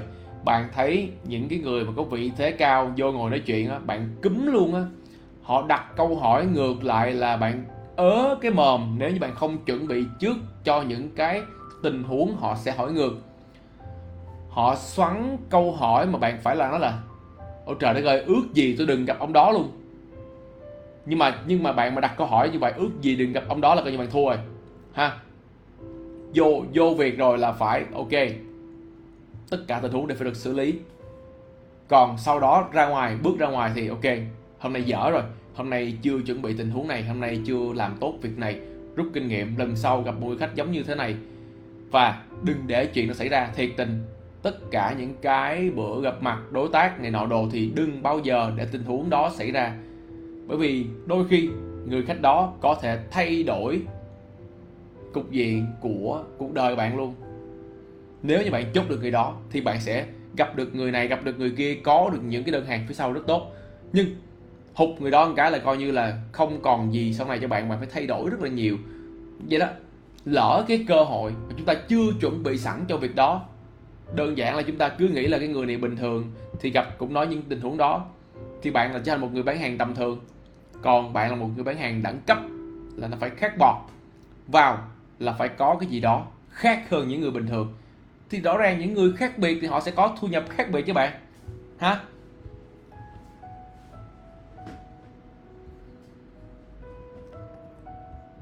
à cái này hồi trẻ mình gặp rất nhiều. Mình không chuẩn bị. Mình, dính cái này đó. Mình đang chia sẻ là cái mình bị hồi lúc mà còn trẻ. Mình nghĩ người ta cũng bình thường thôi. Sau khi nói chuyện một hồi là mình bị dính một cái chuyện này. Dính vài lần hồi lúc còn trẻ. Trời ơi! Mình thấy là mình tệ. Mình thấy là mình chưa chuẩn bị tốt. Cho nên là từ đó trở đi là lúc nào cũng không bỏ lỡ cơ hội là gì á. Phải có té thì mới biết là ok chỗ này nó nó đau té đau quá. Thì để biết lần sau mà né hả? Rồi.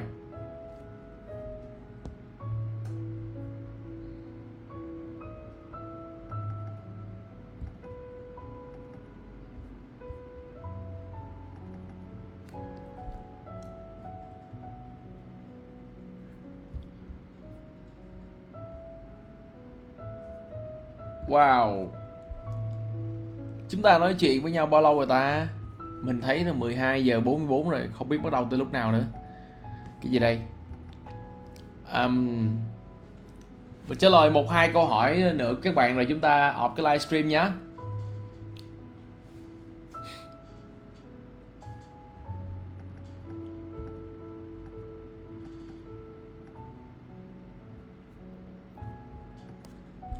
à cái bữa apply chắc mình sẽ dời sang uh, sau cái dịp uh, đầu năm. Sau dịp đầu năm đi cho mọi người thông thả rồi nọ.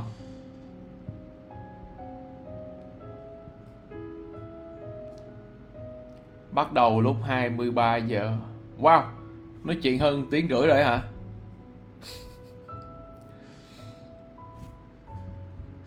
Rồi.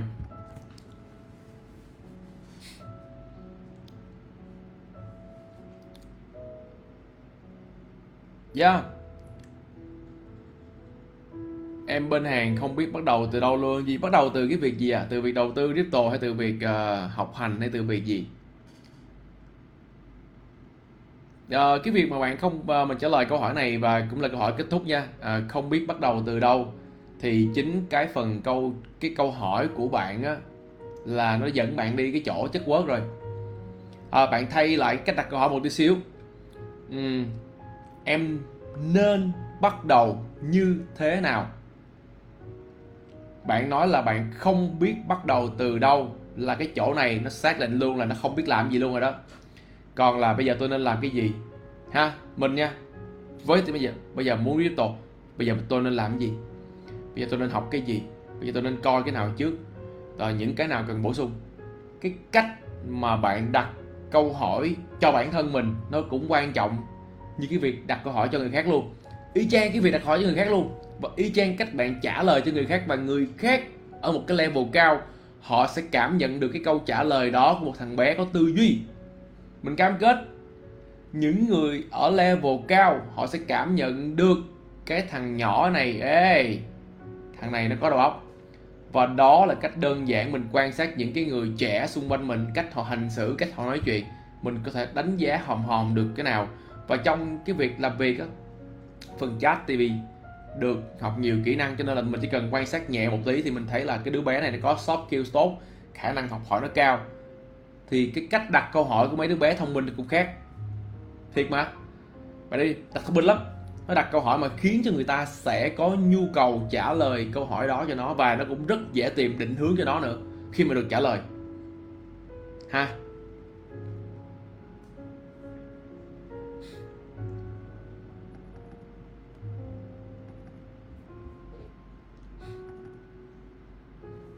Có một bạn suggest cho cả nhà nếu mà nói về tự học thì cả nhà nên nghe video của thầy giảng tự trung. Đấy phải lên uh, youtube search thêm về người này. Còn uh, mình cá nhân thì uh, chỉ có chưa từng uh, nghe ai hay là cần mình chỉ là thông qua trải nghiệm bản thân làm tốt mỗi ngày. Chứ cũng chưa từng coi video ông nào dạy phải làm sao để mà tốt mỗi ngày hơn tại vì uh, mỗi người mình nghĩ là quan điểm mỗi người sẽ có một cái góc nhìn khác nhau một cách hành xử khác nhau. Đấy cho nên là mình chỉ tin vào mình thôi. Mình làm không được làm lại làm không được làm lại không được làm lại. Chỉ số vượt khó trong bản thân mình không phải nói gì mà đối mình hơi điên hơi hơi nhiều. Không được làm lại có sao đâu mà. Ủa không được thì làm lại. Không được cứ làm lại không được làm lại. Thì có sai thì mới té té mới biết cách đứng lên đứng lên mới biết né. Hả? Mỗi khi mất phương hướng trong cuộc sống mình làm gì à, à câu này là câu cuối đi ha. Rồi. À.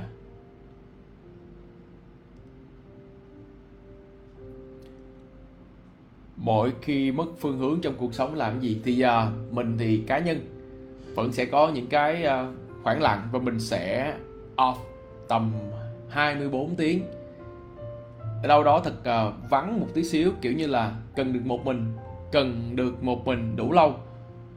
Một mình đủ lâu này không kiểu như bị trầm cảm mà mình sẽ ngồi nghiệm lại là những cái thứ đang trải qua với mình liệu rằng nó có đang bị cuốn quá hay không? Tức là là đặt câu hỏi để mà tự vấn bản thân xem là mình làm chuyện này như thế này abc thì được mất và đã đã làm cái gì rồi hay là làm chưa tốt hay sao đó, thì sẽ tự vấn bản thân nhiều hơn và trả lời những câu hỏi đó một cách rõ ràng, sòng phẳng nhất với bản thân mình. Rồi, sau đó đưa ra cái quyết định và làm luôn. Thì là, ok, đó là lên lên nói thẳng vấn đề nha. Thì như là kẹt sếp đi hay là kẹt ai đó gặp một cái gì đó, tự nghiệm xong là, ok, xin một cuộc họp lên trình bày, riêng trình bày tất cả những gì của mình và yêu cầu bên đó cho mình một cái phương án xử lý có được hay không. Mình sẽ trình bày luôn cái cách của mình và giải pháp luôn cho người ta nghe. Người ta sẽ đưa lại câu chuyện là được hay không được, cho nó nhanh gọn lẹ. Đấy là cách mình hành xử. Không có mập mờ, ấp a, ấp úng, rồi nói nhăn nói cụi lọc vòng mắc mệt, bỏ qua. Quan điểm mình sau khi mình hiểu hết vấn đề, biết mình xong, rồi nói ừ bây giờ mình thấy tất cả vấn đề abc với dày thì hiện tại mình sẽ, nếu mình chọn cái này thì bản thân sẽ cảm giác không được thuận cho lắm gì đó. Nếu chọn cái này thì như vậy tốt cho công ty. Thì bây giờ là mình có một cái giải pháp đề xuất ra, nó giúp cho mình cảm giác là sẽ happy khi làm việc. Ủa, thẳng thắn thôi. Ha? Rồi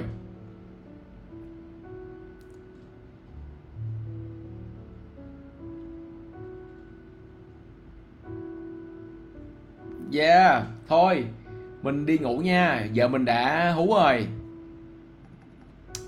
Ok cả nhà Rồi, hẹn cả nhà vào uh, ngày mai Chắc là sẽ lên trên uh, Youtube ha.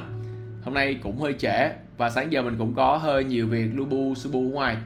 Rồi, thank you cả nhà. Uh, Chúc cả nhà ngủ ngon Và hẹn gặp lại cả nhà vào livestream vào ngày mai trên uh, Youtube. Bye bye.